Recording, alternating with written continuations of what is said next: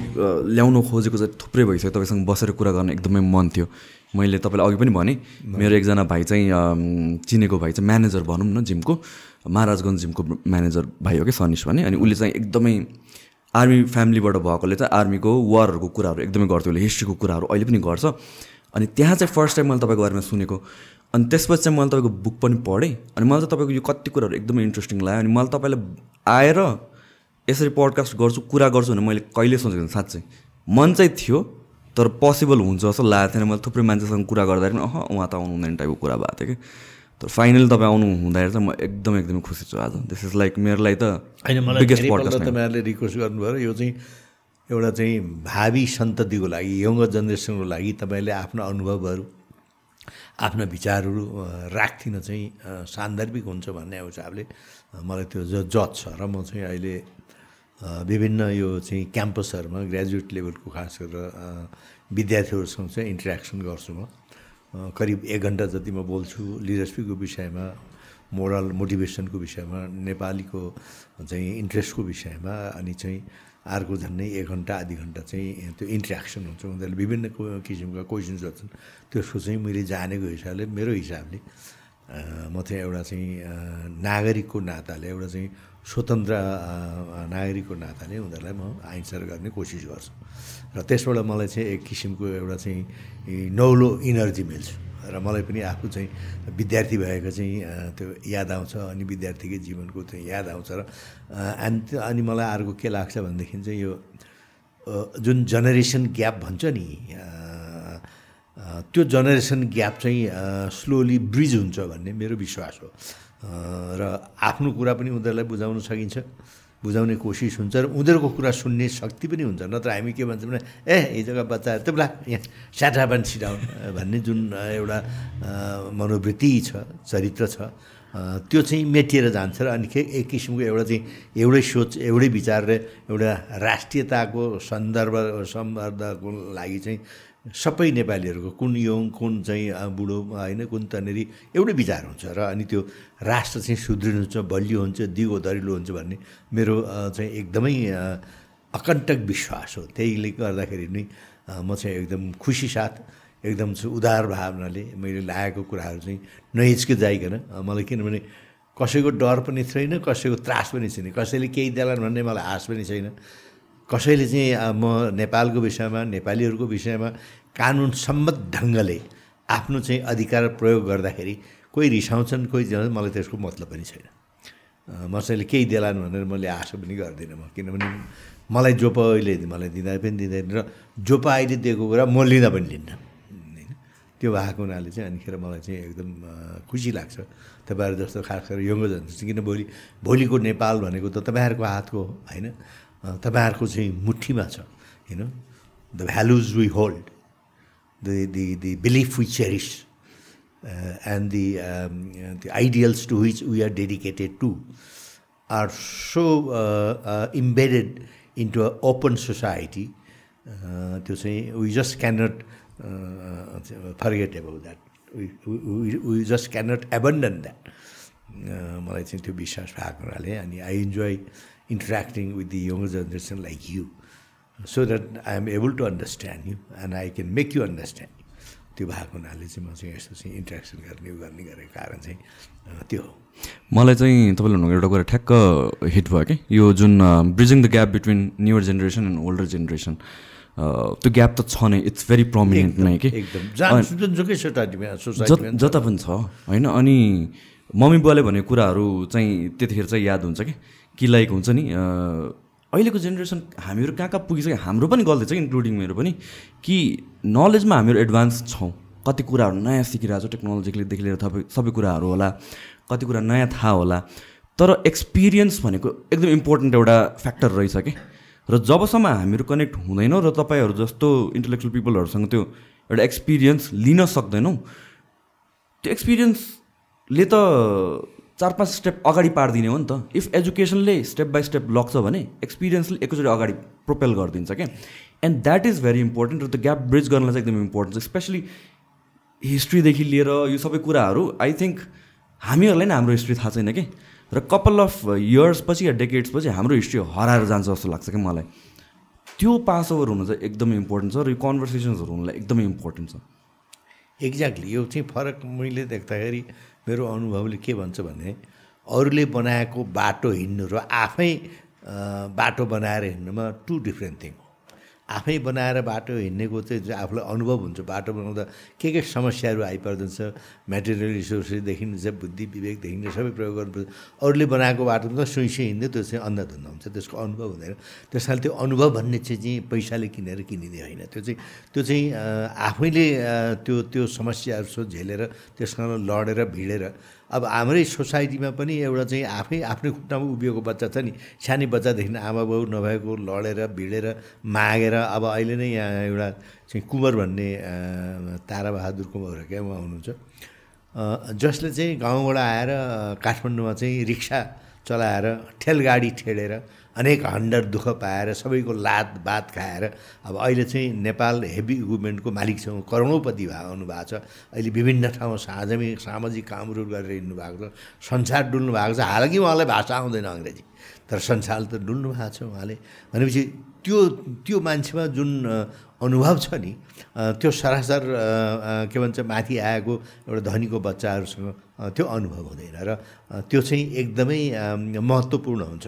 एकदमै जीवनमा त्यो चाहिँ एकदमै इम्पोर्टेन्ट हुन्छ र त्यस्तो मान्छेहरूबाट हामी विभिन्न कुराहरू सिक्न सक्दछौँ र हामीले सिक्ने कुरामा कहिले पनि चाहिँ के भन्छ अप्ठ्यारो मान्नु हुँदैन। सिकेर मान्छेले सिक्ने जन्मदिन जाने त कोही पनि जने जानेर त आएको हुँदैन। हामी त यही पृथ्वीमा आइसकेपछि जन्मेपछि नै सिक्दै सिक्दै भोग्दै भोग्दै भोग्दै जाने हो नि। त्यस कारणले अब भोग भन्ने कुरा भोगको महत्त्व भोगको चाहिँ के भन्छ त्यो चाहिँ गहिरो दुःख भनौँ या के भनौँ त्यो जसले भोग बेहोरेको छ तपाईँलाई भोगको महत्त्व त्यस बेलामा थाहा हुन्छ। जब त्यो तपाईँ तिन चार थाक नखाएको होस् तिन चार दिन चाहिँ भोगै बसेको होस् तपाईँले निद्राको महत्त्व त्यस बेलामा थाहा हुन्छ जो तिन चार रात तिन चार रात नसुतेको होस् होइन? त्यो डाँडा चढ्ने के के हिमाल चढ्ने के के अनुभव हुनुपर्छ के के दुःख हुन्छ त्यो त हिमाल चढ्ने मान्छेलाई थाहा हुन्छ नि। मलाई त थाहा हुँदैन नि। त्यस कारणले त्यसको महत्त्व चाहिँ त्यसरी झल्किन्छ। त्यस कारणले यो अनुभव तपाईँले अघि भन्नुभयो अनुभवभन्दा ठुलो कुरा केही पनि छ त्यस कारणले हामीले चाहिँ सिक अरूसँग ठुलो मान्छेहरूसँग आफ्नो चाहिँ के भन्छ पिता पुर्खाहरूसँग सिक इतिहासबाट सत्य तथ्य के हो अनि थाहा हुन्छ नि। अब हाम्रो देशमा त अहिले नै अब हाम्रो देशको मौलिकतामा यति चाहिँ त्यो चाहिँ आँचाउनु लागेको छ। किनभने हाम्रो मौलिकतातिर हामी चाहिँ सिकाउँदै सिकाउँदैनौँ बच्चाहरूलाई। उनीहरू एकैचोटि आउँछन् उनीहरू चाहिँ कम्प्युटर र के के दुनियाँभर चाहिँ अहिले त भर्चुअल झन् यो कोरोनाले चाहिँ गरिदिएको छ। त्यसले गर्दाखेरि त्यहाँ चाहिँ एउटा त्यो चाहिँ हामीले फेरि नेपालको सन्दर्भमा त हामीले हाम्रो इतिहास हामीले नै लेखेको हाम्रै बाजा बराजुले लेखेको इतिहास पढायो धेरै जस्तो त बेलायतीले लेखेको इतिहास पढाएको छौँ हामीले। र बेलायतीले लेख्छ त नेपालको इन्ट्रेस्ट नेपालको इन्ट्रेस्टको लागि त लेख्दैन आफ्नो स्वार्थलाई उजागर गर्नुको लागि लेख्ने हो नि। त्यसैले हाम्रो इतिहास त हामीले आफ्नै बाबु बराजुले लेखेको पुरा पो हामीले पढ्ने हो त। हाम्रो चाहिँ दुर्भाग्यवश मैले नै अब म स्कुलमा पढ्दाखेरि मैले चाहिँ नेपालको जोग्राफी पढिनँ मैले मैले त इन्डियाको जोग्राफी पढेँ होइन। इन्डियाको भूगोल पढेँ मैले होइन। इतिहास पनि मैले चाहिँ इन्डियाको पढेँ मैले। त्यसले गर्दाखेरि चाहिँ मलाई त म एउटा चाहिँ अनुभव सिकाउँछु तपाईँलाई उसमा। म नर्थ क्यारोलाइनामा ड्युक युनिभर्सिटीमा बोल्न गएको थिएँ म सेभेन्टी फोरमा सेभेन्टी फोरमा होला म चाहिँ त्यो स्पेसल फोर्सेस गर्न गएको थिएँ। फोर्ट ब्रागमा जहाँ एट्टी सेकेन्ड एयरबोर्न डिभिजन चाहिँ बस्छ। त्यहाँ चाहिँ एउटा नर्थ क्यारोलाइना युनिभर्सिटी चाहिँ ड्युक युनिभर्सिटी भन्छ त्यो चाहिँ एकदमै ठुलो अस्ति भर्खर म घुमेर आएँ त्यहाँ चाहिँ विशाल छ। र हार्वर्ड यो जस्तै यो चाहिँ जुन चार पाँचवटा नामद युनिभर्सिटी छन् अमेरिकामा त्यो मध्येको एउटा हो। त्यहाँ चाहिँ मलाई चाहिँ अब एलाइड अफिसर भन्छ त्यहाँ विदेशी विद्यार्थीहरूलाई। त्यो एलाइड अफिसर बोल्ने क्रममा म छानिएँ। अनि म गएर त्यहाँ चाहिँ बोलेँ बोलिसकेपछि त्यो त्यहाँको त्यस बेलाका विद्यार्थीहरूलाई। नेपाल भनेको कहाँ त्यो थाहा छैन। उनीहरूलाई हिमाल कहाँ छ थाहा छ? उनीहरू गोर्खाजहरू भने को हुन्थ्यो थाहा छ तर नेपाल भन्ने थाहा छैन उनीहरू is it in Nepal sir भन्छन्। इज इट इन के भन्छ प्रिटोरिया सर भन्छन् होइन उनीहरू। अनि त्यो भन्दाखेरि मैले चाहिँ हेर्नुहोस् मेरो देशमा त छ सात क्लास पढ्ने विद्यार्थीले तपाईँको देशमा तपाईँको प्रेसिडेन्टको नाम सुध पनि थाहा हुन्छ। भन्दाखेरि उनीहरूको आन्सर के हुन्थ्यो maybe you need to know that otherwise you can not survive we can survive without नेङ यो कन्ट्रिज नै भन्छ उनीहरू। उनीहरूको अहिले पनि आउटलुक त्यस्तो छ। त्यो अमेरिकामा त गाउँतिर त यति चाहिँ के भन्छ त्यो अनसिभिलाइज भन्ने कि अनपढ व्यक्तिहरू छन् नि अन्धाधुन्दा अरूले भनेको भरमा कुद्ने मान्छेहरू चाहिँ चाहिँ त्यस्तो छ। किनभने उनीहरू हरेक चिज परिपूर्ति गर्न सक्ने आफ्नै क्षमता छ आफ्नै वरिपरि छ आफ्नै देशभित्र छ। हामीसँग त्यो छैन भन्ने कुरा त्यसले चाहिँ जगाउँछ। र अनि त्यो खाना मेलामा एकापट्टि चाहिँ प्रिन्सिपल बस्नु भएको रहेछ एउटा डिपार्टमेन्टको। एकापट्टि चाहिँ नेपालको विज्ञ भनेको साउथ एसियन डेस्क हेर्ने त्यो युनिभर्सिटीको प्रोफेसर हुँदो रहेछ। मलाई त थाहा छैन। अनि खाँदै गर्दाखेरि चाहिँ म त सुट र नेपाली ढाकाको टोपी लाएर गएको थिएँ। अनि त खाँदै गर्दाखेरि उसले चाहिँ म यस्तोमा त्यो बायाँपट्टि बस्ने भन्छ प्रोफेसर साहबले के भनेर भने नेपालको कुन ठाउँबाट आउनुभएको तपाईँ भने मैले चाहिँ पूर्वबाट भने मैले होइन अनि ए भनेर एकछिनपछि कुन जिल्ला भन्छ बा? अनि मैले चाहिँ ओहलढुङ्गा भने खाँदै गर्दा गफ गर्दै गर्दा फेरि एकछिनपछि तपाईँलाई थाहा छ ओखलढुङ्गालाई किन ओखलढुङ्गा भनेको? भन्छ बा and and God help me I didn't know it ओखलढुङ्गालाई किन म जहाँ जन्मेको ठाउँ त्यसको नाम के भरे कसरी अनि उसले चाहिँ यो चाहिँ यो राजा हेलम्बरदेखि लिएर पृथ्वीनारायण शाहले चाहिँ त्यहाँ त्यहाँ चाहिँ के भन्छ त्यो ओखल छ त्यहाँ चिउरा कुटेकोदेखि लिएर इत्यादि सारा चाहिँ उसले बताइदिन्छ। त्यहाँभन्दा मलाई ठुलो इम्बारेसमेन्ट ठुलो चाहिँ बेइज्जत केही केही पनि लागेन अनि के अरे त्यहाँबाट मैले आएपछि के गरेँ भने यो ग्रीष्मबहादुर देवघाटको पाँचवटा चाहिँ किताबहरू छन् मेची टु महाकाली यस्तो के भन्ने त्यो मैले पढेँ। त्यहाँबाट रामायण महाभारत त मलाई अलिअलि पहिला पनि थाहा त्यो बच्चामा हामी गाउँमा स्वस्थानी भन्ने इत्यादि कुराहरू। त्यहाँबाट नेपालको विषयमा अनि मैले बच्चाहरूलाई म हङकङमा बस्दाखेरि बच्चाहरूलाई मोटरमा बस्छु कि नेपाल र नेपालीको विषय महाभारत रामायण यस्तो पढाउने कोसिस गरेँ ताकि हाम्रो मौलिकता भनेको के हो? त्यो चाहिँ सिकाउने मैले चाहिँ कोसिस गरेँ। अनिखेर त्यहाँबाट चाहिँ अनिखेर म नेपालको विषयमा अब चाहिँ संसारको जुनसुकै कुनामा गए फेरि नेपालको विषयमा अलिकति बोल्न सक्छु भन्ने मलाई त्यहाँबाट आँट भएको। मलाई नै त्यस्तो चाहिँ घटनाहरू घटेको छ। र र अहिलेको विद्यार्थीहरू न हाम्रो संस्कृत पढाइ छ न इतिहास पढाइ छ न हाम्रो जोग्राफी पढाइ छ होइन? अहिले त खालि चाहिँ विदेशीहरूको कुरा मात्रै नकल मात्रै हामी गर्छौँ। हाम्रो त यो देश भन्नेको त एउटा चाहिँ बाइस तेइस देशमध्येको एउटा पुरानो देश हो होइन? यसको चाहिँ पाँचौँ हजार वर्ष पहिलादेखिको नेपालको नाम छ। हाम्रो चाहिँ के भन्छ वेद पुराणहरूमा यसको नाम छ होइन हाम्रो चाहिँ त्यस्तो किसिमको एउटा इतिहास एउटा मौलिकता भएको हाम्रो संस्कृत हाम्रो चाहिँ ऋषिभूमि तपोभूमि पुण्यभूमि भन्छन् होइन? हाम्रो चाहिँ त्यस्तो किसिमको एउटा चाहिँ यहाँ ठुल्ठुला ऋषिजहरू भए जसले संसार चाहिँ सृष्टि गर्न सक्यो सम्हार गर्न सक्ने त्यस्ता त्यस्ता ऋषिहरू जन्मे। अहिले पनि हेर्नु तपाईँहरू कति ऋषिमुनिको चाहिँ देश भनेर गनिन्छ तर अब दुःखको कुरा अब युएनमा चाहिँ यो योग सम्बन्धी पनि चाहिँ अर्काको देशले गरेर सुरुवात गर्यो होइन? हामी चाहिँ यत्रो चाहिँ शान्ति क्षेत्र भनेर घोषणा भएको होइन? एक सय सोह्र राष्ट्रले चिनेको र पाँचवटै शक्ति राष्ट्रहरूले रिकगनाइज गरेको पछि एउटा अरूको लैलेमा आयो एउटा चाहिँ चाहिँ विड्र गरे होइन? तर चारवटा शक्ति राष्ट्रले रिकगनाइज गरेको शान्ति क्षेत्र भनेर हामी चाहिँ त्यस्तो र त्यसको लागि अहिले न कसैलाई विद्यार्थीलाई थाहा छ न नेताहरूले चाहिँ यसको विषयमा कुरा गर्छन्। त हामी यसरी पर निर्भरता भइसक्यौँ कि यही कोठामा तपाईँ हेर्नुभयो भने कति चिज यहाँ नेपालमा भनेको ल भन्नुहोस्। यो टेबल कहाँबाट आएको? यो कहाँबाट ल्याएको? कसले बनाएको? होइन? यो ग्लासको कुरा हेर्नुहोस् या माइकको कुरा हेर्नुहोस् के के कुरा हेर्नुहोस्? हाम्रो के छ? अनि हामीले गौरव गर्ने ठाउँ खै त? केमा गौरव गर्नु हामीले? अनि हामी जबसम्म आफ्नो खुट्टामा उभिएर आफ्नो चाहिँ आफ्नै स्वनिर्भर हुँदैनौँ त तबसम्म हामीलाई सबैले हेप्छन्। हिँडाउँछन् होइन? हामीलाई चाहिँ निच ठान्छन्। त्यस कारणले अहिलेको नयाँ जेनेरेसनलाई मैले भन्ने कुराहरू नेपालमा प्रकृतिले हामीलाई असङ्ख्य असङ्ख्य रिसोर्सहरू दिएको छ। तर त्यसलाई प्रयोग गर्ने कसरी? हाम्रो त सबै चाहिँ खेर गइरहेको छ यत्रो नदी नाला यत्रो पानी त्यसै खेर गइरहेको छ होइन? हाम्रो यत्रो टुरिस्टहरूको लागि यस्ता यस्ता अनगिन्ती चिजहरू छन् यहाँ। असम्भव जस्तै देखिने चिजहरू छन्। त्यसको खै हामीले उपयोग गऱ्यौँ हाम्रो यत्रो चाहिँ फाँट मैदानहरू पनि छन्। अब त्यहाँ चाहिँ त्यो त्यो पानी ल्याएर त्यो नदीको पानी ल्याएर हराभरा बगाउने त्यसमा चाहिँ अब त्यो त्यो गर्ने खै हामीले गरेको? यो विषयमा कसैले पनि अहिले नेताहरू बसेर छलफल गरेको यसको डिस्कसन गरेर सुन्नुहुन्छ तपाईँ? उनीहरू छलफल केमा हुन्छ त? कुन मन्त्री कहाँ कसले बनाउने कतिवटा मन्त्री बनाउने कतिवटा तलब भत्ता बनाउने भन्ने त्यस्तो किसिमको चिजलाई चिर्न सकोस् अहिलेको नयाँ जेनेरेसन भनेर। अनि को नयाँ जेनेरेसनलाई वास्तविकता के हो त? हाम्रो नेपालको सन्दर्भमा हामीले आफ्नो खुट्टामा उभिने उपायहरू के के छन् त? कृषिमा के के गर्न सकिन्छ हाइड्रोमा के के गर्न सकिन्छ अथवा के भन्छ यो टुरिज्मको विषयमा के के गर्न सकिन्छ त्यतातिर सोचेर अनिखेर बिस्तारै आफ्नो खुट्टामा उभिने। हामी पहिला त आफ्नै खुट्टामा उभिन्थ्यौँ। धान चामल मैले थाहा पाउँदछु धान चामल चाहिँ यति मन यति सय यति हजार क्विन्टल चाहिँ धान बेच्यौँ। चामल यति चाहिँ बेच्यौँ भन्थ्यौँ होइन? हाम्रो सागसब्जी भेडा बाख्राहरू बेच्थ्यौँ। अब अहिले त घिउ तेल चिनी नुन तरकारी साग सब्जीदेखि लिएर हरेक चिज बाहिरबाट ल्याउनुपर्छ अनि हामी के को भरमा हामी आफू महु भनेर बस्ने त नेपाली त कसरी दर्शाउँथ्यो त्यो चिजलाई चिर्नको लागि नयाँ जेनेरेसनलाई चाहिँ एउटा उत्साह दिने एउटा प्रेरणा दिने होइन?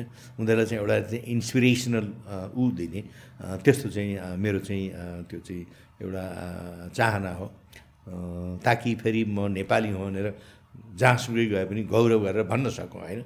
अब अहिले त नेपालीहरूलाई मैले थाहा पाउँदा शुद्ध म हङकङमा म जर्मनीमा जाँदाखेरि नाइन्टिन एट्टीमा त्यहाँ चाहिँ नेपालको पासपोर्ट दिएको साथ तिन महिनाको भिसा दिन्थ्यो युरोपियन कन्ट्रीभित्र त त्यतिखेर स्ट्रङ थियो हाम्रो पासपोर्ट हाम्रो चाहिँ डिप्लोमेसी हाम्रो चाहिँ रिकग्निसन हाम्रो रेस्पेक्टै दिन्थ्यो तर अहिले त जहाँ गए पनि नेपाली भन्नु साथ अन्डरवेयर खोल जुत्ता खोल मोजा खोल होइन? त्यो अनेक किसिमको चाहिँ त्यो चाहिँ चेक चाक गरेर अनि मात्रै त्यो चाहिँ उ गर्छ। भनेपछि नेपाली भन्न साथ त्यसरी त्यस्तो हेप्ने अवस्था आयो। किन त्यो आयो त? हाम्रो डिप्लोमेसी पहिला कस्तो कडा थियो? हेर्नुहोस् त राजा वीरेन्द्रलाई राजा महेन्द्रलाई अमेरिकाले कसरी स्वागत गर्थे होइन? प्रेसिडेन्टहरूले राजा महेन्द्रलाई चाहिँ कसरी गर्यो? वीरेन्द्र चाहिँ रेगनले कत्रो रेस्पेक्ट कत्रो गर्यो? मैले सुने बेलायतमा क्विन इलिजाबेथ त रेलवे स्टेसनमा लिन आउँथ्यो हाम्रो राजालाई। युएसमा होलिडे नै दिएको थियो भनेर सुनेको थिएँ। है? जाने बेलामा। अब अब अहिले चाहिँ हाम्रो head of the state state भिजिटमा के भन्छ त्यो चाहिँ स्टेट भिजिटमा जाँदाखेरि दिल्लीमा उसलाई रिसिभ गर्न आउनेको एउटा उपसचिव। भनेपछि कहाँबाट कहाँ झऱ्यौँ त्यो हामी? म तपाईँलाई एउटा नाइन्टिन सिक्सटी सेभेनको एउटा घटना भन्छु। म पुनामा पढेको। त्यहाँ चाहिँ शुक्रबार हाम्रो चाहिँ बेलुका चाहिँ केही ऊ हुँदैन। हामी क्लब स्लब सिद्ध्याएपछि गेम्सहरू सिद्ध्याएपछि हामी चाहिँ फ्री हुन्छौँ। डिनर बाहेक। त्यो चाहिँ हाम्रो ठुलो त्यहाँ चाहिँ अब एउटा स्क्वाडन भन्छ। हामी चाहिँ त्यहाँ चाहिँ झन्डै बाइस सय जति विद्यार्थीहरू हुन्छौँ भनेको एउटा काठमाडौँ जति छ नेसनल डिफेन्स एकाडेमी भने तपाईँले देख्नु भएको छ छैन मलाई थाहा छैन। पुनामा। It's a very unique academy संसारमा। यो तिनटै सर्भिसको चाहिँ त्यो पढाइ हुन्छ। जवाहरलाल नेहरू युनिभर्सिटीले चाहिँ त्यो चाहिँ ग्रेजुएट लेभलको टेक्निकल एन्ड नन टेक्निकल भन्ने चाहिँ त्यो पढाउँछ उसले। एकाडेमिक्स उनीहरूले हेर्छ। त्यहाँ चाहिँ त्यो बेलुका त्यहाँ बसेर हेर्दा त्यो त्यो एक्सप्रेस अब टाइम्स अफ इन्डियामा कि त्यो इन्डियन एक्सप्रेस भन्छ मैले राजा महेन्द्रको फोटो देखेँ। राजा महेन्द्रको फोटो र चाहिँ ऊ त्यहाँ क्विन रत्नको फोटो देखेँ मैले। ए के रहेछ भनेर पढ्दै गएँ। पढ्दै जाँदाखेरि उहाँ चाहिँ बम्बईमा जानुभएको रहेछ। एउटा दुई घन्टा कि कतिको त्यहाँ ट्रान्जिट रहेछ। उनीहरू युरोपतिर कता जानु लाग्नु। भएको यो त ट्रान्जिटमा थियो कुनै अफिसियल भिजिट होइन। त्यस्तो बेलामा राजालाई महेन्द्रलाई स्वागत गर्नलाई महाराष्ट्रको गभर्नर चिफ मिनिस्टर यत्र फुलका उ लिएर गएका बुके लिएर गएका। अनि दिल्लीबाट एउटा चाहिँ cabinet minister union cabinet minister चाहिँ उहाँलाई स्वागत गर्न गएको। हाम्रो त्यस्तो किसिमको इज्जत। थियो र राजा महेन्द्र चाहिँ धेरै जस्तो बम्बईबाट ट्राभल गर्थे अरे बाहिर भन्ने मैले सुने अब किन भन्दाखेरि उहाँको त गीत कविता सँगसँगै अनि त्यहाँको गीत कविता त्यहाँको एक्ट्रेस एक्ट्रेसहरूलाई गाना बजाना अब लता मङ्गेशकरलाई चाहिँ उ गर्नु पऱ्यो त्यो भएको हुनाले उहाँसँग त्यो धेरै चाहिँ त्यताबाट ट्राभल गर्ने भन्ने मैले चाहिँ थाहा पाएको। त हाम्रो त्यस्तो इज्जत थियो हामी। त्यस्तो इज्जतमा बस्ने होइन? फ्रान्समा जाँदा जर्मनीमा जाँदा राजाहरूको कत्रो स्वागत हुन्थ्यो। अनि यहाँ कुन चाहिँ हेड अफ द स्टेट आउँदैन थियो यहाँ? को आएको छैन? होइन? स्पेनको मुवा कार्लोसदेखि लिएर फ्रेन्च प्रेसिडेन्ट मिटरादेखि लिएर जर्मन चान्सेलर चाहिँ हेलमट मुनदेखि लिएर बेलायतको क्विन सायद यही मात्रै देश होला जहाँ बेलायतको क्विनले दुईपल्ट स्टेट भिजिट गर्यो। त उहाँले उहाँले चाहिँ खालि कमनवेल्थ बाहेक आउँछ खालि एक ताल मात्रै चाहिँ स्टेट भिजिट गर्छन्। चाहिँ यो यस्तो किसिमको चाहिँ होइन राजा वीरेन्द्र वीरेन्द्रलाई त अब इन्डियामा कति ताल चाहिँ यो रिपब्लिक डेको चिफ गेस्ट बनाएर पनि लग्यो त्यत्रो स्वागत गर्थ्यो चाइनामा माउसे टुङले शुद्ध पनि नेपालको सन्दर्भमा राजा राजा चाहिन्छ राज संस्था चाहिन्छ। यसको युनिक अब जोग्राफिक लोकेसनले गर्दा भन्ने त्यस्तो किसिमको एउटा रिकग्नेसन त्यो हाम्रो अहिले सबै गयो। के को नाउँमा गयो त? भन्दाखेरि चाहिँ अहिलेको चाहिँ नयाँ सन्दर्भमा नयाँ नेपाल नेपाल भन्ने देश पनि कहिले नयाँ र पुरानो हुन्छ? हाम्रो जे छ त्यही छ नि होइन? हामीलाई हामीलाई त नेपाल चाहिएको हो नि नेपालको ओरिजिनालिटी चाहिएको हो नि। त्यसैमा चाहिँ अहिलेको नयाँ जेनेरेसनलाई चाहिँ अलिकति चाहिँ शिक्षित गराउनुपर्छ भन्ने मलाई लाग्छ। किनभने हाम्रो टेक्ने ठाउँ हाम्रो समाउने ठाउँ होइन? हरेक देशको चाहिँ त्यो भाषामा अनि इतिहासमा अनि धर्ममा चाहिँ त्यो देश अडेको हुन्छ। त्रिखुट्टी त्यो ओदानको त्रिखुट्टी भन्छ नि। हरेक देश नेपाल मात्र होइन। त्यही चिजमा चाहिँ हामीले गौरव गर्न सक्छौँ त्यही चिजमा चाहिँ हामीले शिक्षा नदिने भएपछि अनि हामी कहाँ पुग्छौँ? त हामी त त्यसै न यता न उता होइन? हाम्रो न टेक्ने थाम दरिलो छ न समाउने हाँगो दरिलो छ। हामी अहिले त्यस्तो अवस्थामा भएको छौँ र त्यसलाई चिर्नको लागि यो नजा नयाँ जेनेरेसनलाई नेपालको मौलिकताको विषयमा भाषा यसका चाहिँ धर्म यसको चाहिँ के भन्छ यो चाहिँ इतिहास यसमा चाहिँ माहिर गराउनुपर्छ अनि आफ्नो देशप्रति श्रद्धा जागेर आउँछ स्वाभिमान जागेर आउँछ होइन? त्यसमा चाहिँ एउटा चाहिँ गौरव जागेर आउँछ भन्ने मेरो चाहिँ विचार हो। त्यसैको लागि चाहिँ तपाईँहरूसँग यसरी कुराहरू मैले पाएकोमा मलाई खुसी लागेको छ। मलाई चाहिँ धन्यवाद तपाईँहरूलाई मलाई यसरी बोलाएर चाहिँ एउटा नयाँ जेनेरेसनसँग एउटा चाहिँ कनेक्सन गर्ने मलाई एउटा चाहिँ फेरि अर्को एउटा मौका दिनुभयो। धन्यवाद छ सुशान्तजी यो एमसिसीको कन्टेक्समा पनि अब न तपाईँ कुनै पोलिटिकल साइडमा लिनु भएको छ न म भएको छु होइन? हामी त एउटा सिटिजनको हिसाबले हामी क्युरियस भएको मात्र हो एउटा हिसाबले। क्युरियस कति कुरा चित्त नबुझेको हामीले भोइस आउट गर्न खोजे हो। र अचम्म लाग्ने कुरा भनेको त्यही अस्ति मैले एउटा पडकास्ट युवराजजीसँग गर्दाखेरि पनि एउटा कर्पोरेसन एउटा जाबु कर्पोरेसनको रुल्स एन्ड रेगुलेसन एउटा कन्ट्रीको कन्स्टिट्युसनभन्दा माथि कसरी हुनसक्छ त? र यसले हामीलाई हाम्रो जेनेरेसन के? हामीभन्दा पछिको जेनेरेसनहरूलाई for for decades or centuries कसरी एफेक्ट गर्छ त भन्ने कुरा क्वेसन आउँछ कि? र यो कसरी बुझिरहेको छैन र नबुझेर एकअर्कासँग लडिरहेको हो कि यो कुराहरू कि के हो भइरहेको छ कि? यस के छ तपाईँलाई यसको बारेमा चाहिँ? एमसिसीको बारेमा तपाईँ कहाँ स्ट्यान्ड गर्नु होइन मलाई एमसिसीको विषय भने जुनसुकै देशसँग जत्रोसुकै शक्तिशाली देशसँग पनि नेपालले सन्धि सम्झौता गर्दाखेरि नेपालको कानुन र नेपालको संविधानलाई मिच्ने गरिकन कुनै पनि सन्धि सम्झौता गर्नु हुँदैन। किन हाम्रो स्वाधीनतामाथि प्रश्न उठ्छ। हाम्रो स्वाभिमानप्रति प्रश्न प्रश्न उठ्नु हाम्रो स्वतन्त्रतामाथि प्रश्न प्रश्न उठ्न सक्छ। यो एउटा चाहिँ भेरी क्लियरली सबैले विचार गर्नु पऱ्यो अब अर्को कुरा चाहिँ मलाई के लाग्छ भनेदेखि चाहिँ हरेक शक्ति राष्ट्रहरूले आफ्नो त्यो स्पेयर्स अफ इन्फ्लुएन्स मेन्टेन गर्ने या त्यसलाई चाहिँ बढुवा दिने चाहिँ त्यो स्वाभाविक कुरा हो र अहिलेको सन्दर्भमा अमेरिकाले अमेरिकालाई च्यालेन्ज गर्न सक्ने। अमेरिकालाई चाहिँ के भन्छ त्यो चाहिँ अमेरिकालाई अडान लिन सक्ने अमेरिकासँग चाइना निस्क्यो एउटा नयाँ पावर निस्क्यो। मिलिटरी उसमा पनि इकोनोमिक उसमा पनि उसलाई च्यालेन्ज दिने होइन? उसँग अड्डिक लिने चाहिँ एउटा पावर त्यो गर्दाखेरि अमेरिकालाई अप्ठ्यारो लाग्नु स्वाभाविक हो। आफ्नो चाहिँ आफूले चाहिँ सारा संसारमा आफूले भने जस्तो चाहिँ गराउन खोजेको वर्ल्ड ब्याङ्कबाट चाहिँ आइएमएफबाट चाहिँ युएनका विभिन्न ब्रान्चेसहरूबाट या जाइकाबाट इत्यादि गर्न खोजेको। होइन एसियन डेभलपमेन्ट ब्याङ्कदेखि गर्न खोजेको। हाम्रो त्यो च्यालेन्ज आइसकेपछि उसलाई चित्त नबुझ्नु स्वाभाविक हो। तर अब अर्को चाहिँ न्युली राइजिङ पावरलाई पनि चाहिँ यसले मात्रै जे जे भन्यो त्यही त्यही हुने यो संसारमा हाम्रो पनि आफ्नो चाहिँ स्वाधीन छ आफ्नो चाहिँ फ्रिडम छ होइन? यसलाई हामीले एक्सर्साइज गर्नुपर्छ भन्ने उसलाई त्यो जो जाग्नु पनि स्वाभाविक हो। त्यो रणाकोमा पर्दाखेरि नेपाल जस्ता कमजोर देशहरूलाई नेपाल जस्ता चाहिँ भौगोलिक अवस्था भएका देशहरूलाई नेपाल जस्तो चाहिँ एउटा चाहिँ गरिब देशलाई ठुलो भल्नरेबिलिटी चाहिँ आइपर्छ ठुलो एकदमै भल्नरेबल हुन्छ। र त्यो जोगाउनुको लागि एउटै मात्र उपाय मैले देखेको नेपालीहरू सम्पूर्ण नेपालीहरू एउटा सिद्धान्तमा बस्न सक्नुपर्छ एक ढिक्का भएर होइन? हिमाल जस्तो चाहिँ चट्टान जस्तो भएर एक ढिक्का एउटा शब्द एउटा आवाजमा बस्नुपर्ने हो तर त्यो हुन सकेन। होइन? जब हामी आफ्नै फुट्छौँ जब हामी चाहिँ झगडा गर्छौँ त अरूले चाहिँ त्यसमाथि चाहिँ आएर रजाइ गर्ने कुरा चाहिँ स्वाभाविक हो। तपाईँको छिमेकमा तपाईँको परिवार चाहिँ आफैमै जहिले पनि लडाइँ झगडा गर्ने सासु ससुरा छोरा बुहारी लडाइँ झगडा गरिराख्ने छिमेकीलाई त रिस उठ्छ। अनि उसले भन्छ नि अनि म म पनि गएर त्यही छिमेकीलाई मलाई बाउलाई भनिदिनु पऱ्यो भन्छु।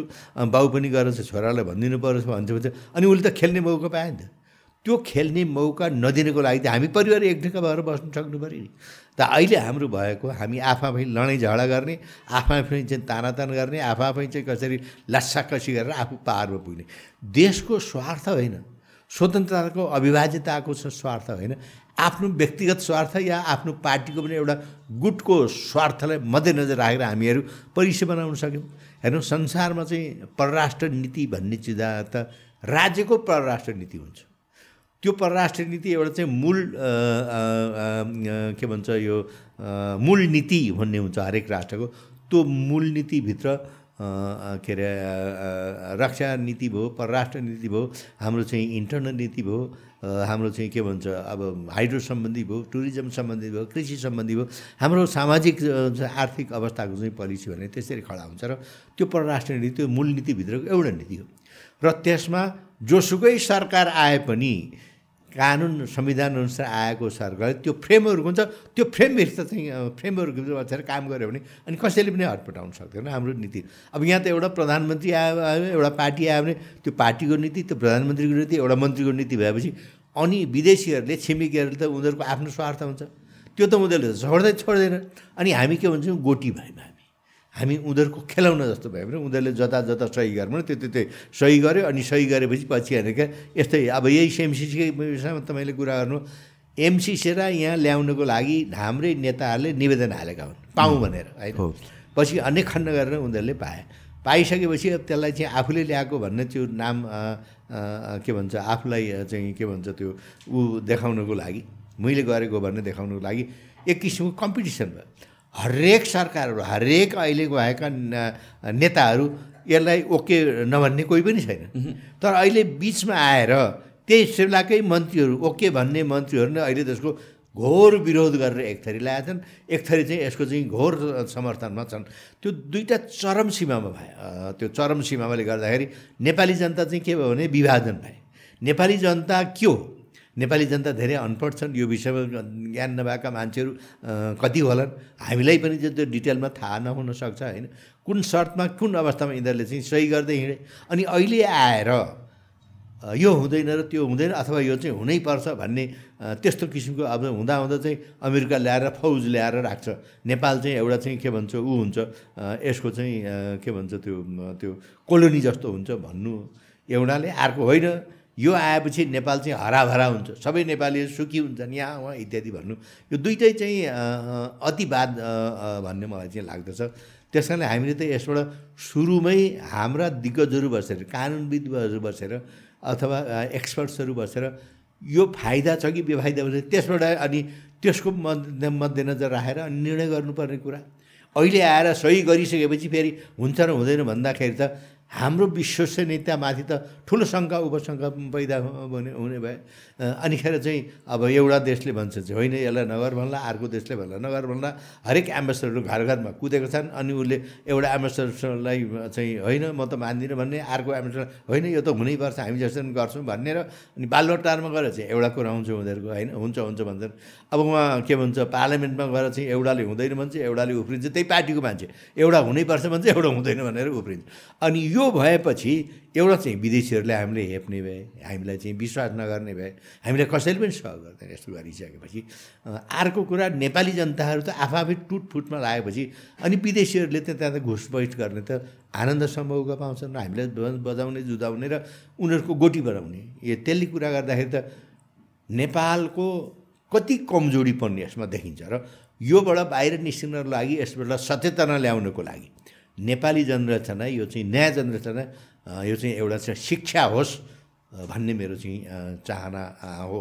र त्यसमा चाहिँ नेपाली जनरेसनले नयाँ जनरेसनले यो विषयमा बुझ्नै पर्छ। के सत्य के तथ्य? के हितमा छ के अहितमा छ भन्ने कुरा यो नबुझिकन पहिले झैँ झैँ गरेर के अरे सही गर्नु नहुने रहेछ भन्ने एउटा ठुलो लेसन लेख्नु सिक्नुपर्छ। एउटा चाहिँ यो चाहिँ के भन्छ हामीलाई चाहिँ एउटा पाठ सिक्ने एउटा चाहिँ मौका हो। यसबाट नयाँ जेनेरेसनले एकदमै उचित निर्णय लिनको लागि सुरुमै यसमा लेखाजोखा गर्नु पऱ्यो डिस्कसन डिबेट गर्नु पऱ्यो। अनि मात्रै एक्सेप्ट गर्ने या नगर्ने। त्यो भएको विदेशीहरूले नै हामीलाई चाहिँ शङ्का उपशङ्का गर्ने कुरा आउँदैन थियो। अहिले हामी यो चुक्यौँ हामी आफूले गर्दाखेरि आफै चुक्यौँ आफ्नो माथि आफ्नै विश्वास गुमायौँ र हाम्रो चाहिँ शक्ति क्षीण भएको पार्टी पार्टीमा विभाजन हुनु पार्टी पार्टी चाहिँ फुट्दै जानु जति पार्टी फुट्यो त्यति नेपाल कमजोर हुन्छ होइन?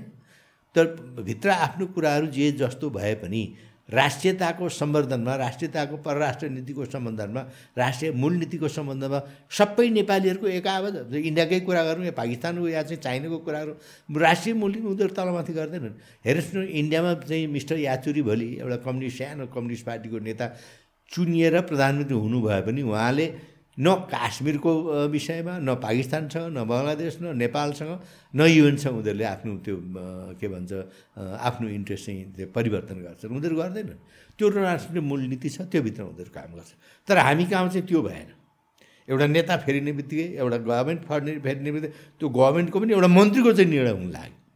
त्यसले गर्दाखेरि चाहिँ एउटा चाहिँ छिमेकीहरूले संसारका अरू शक्ति राष्ट्रहरूले हामीलाई विश्वास नगर्ने भएर युएनले पनि वर्ल्ड ब्याङ्कले पनि अहिले चाहिँ यो चाहिँ ठुल्ठुला इन्स्टिट्युसनहरूले होइन त्यसले चाहिँ हामीलाई चाहिँ विश्वास टुटाउने एउटा अवस्था आयो।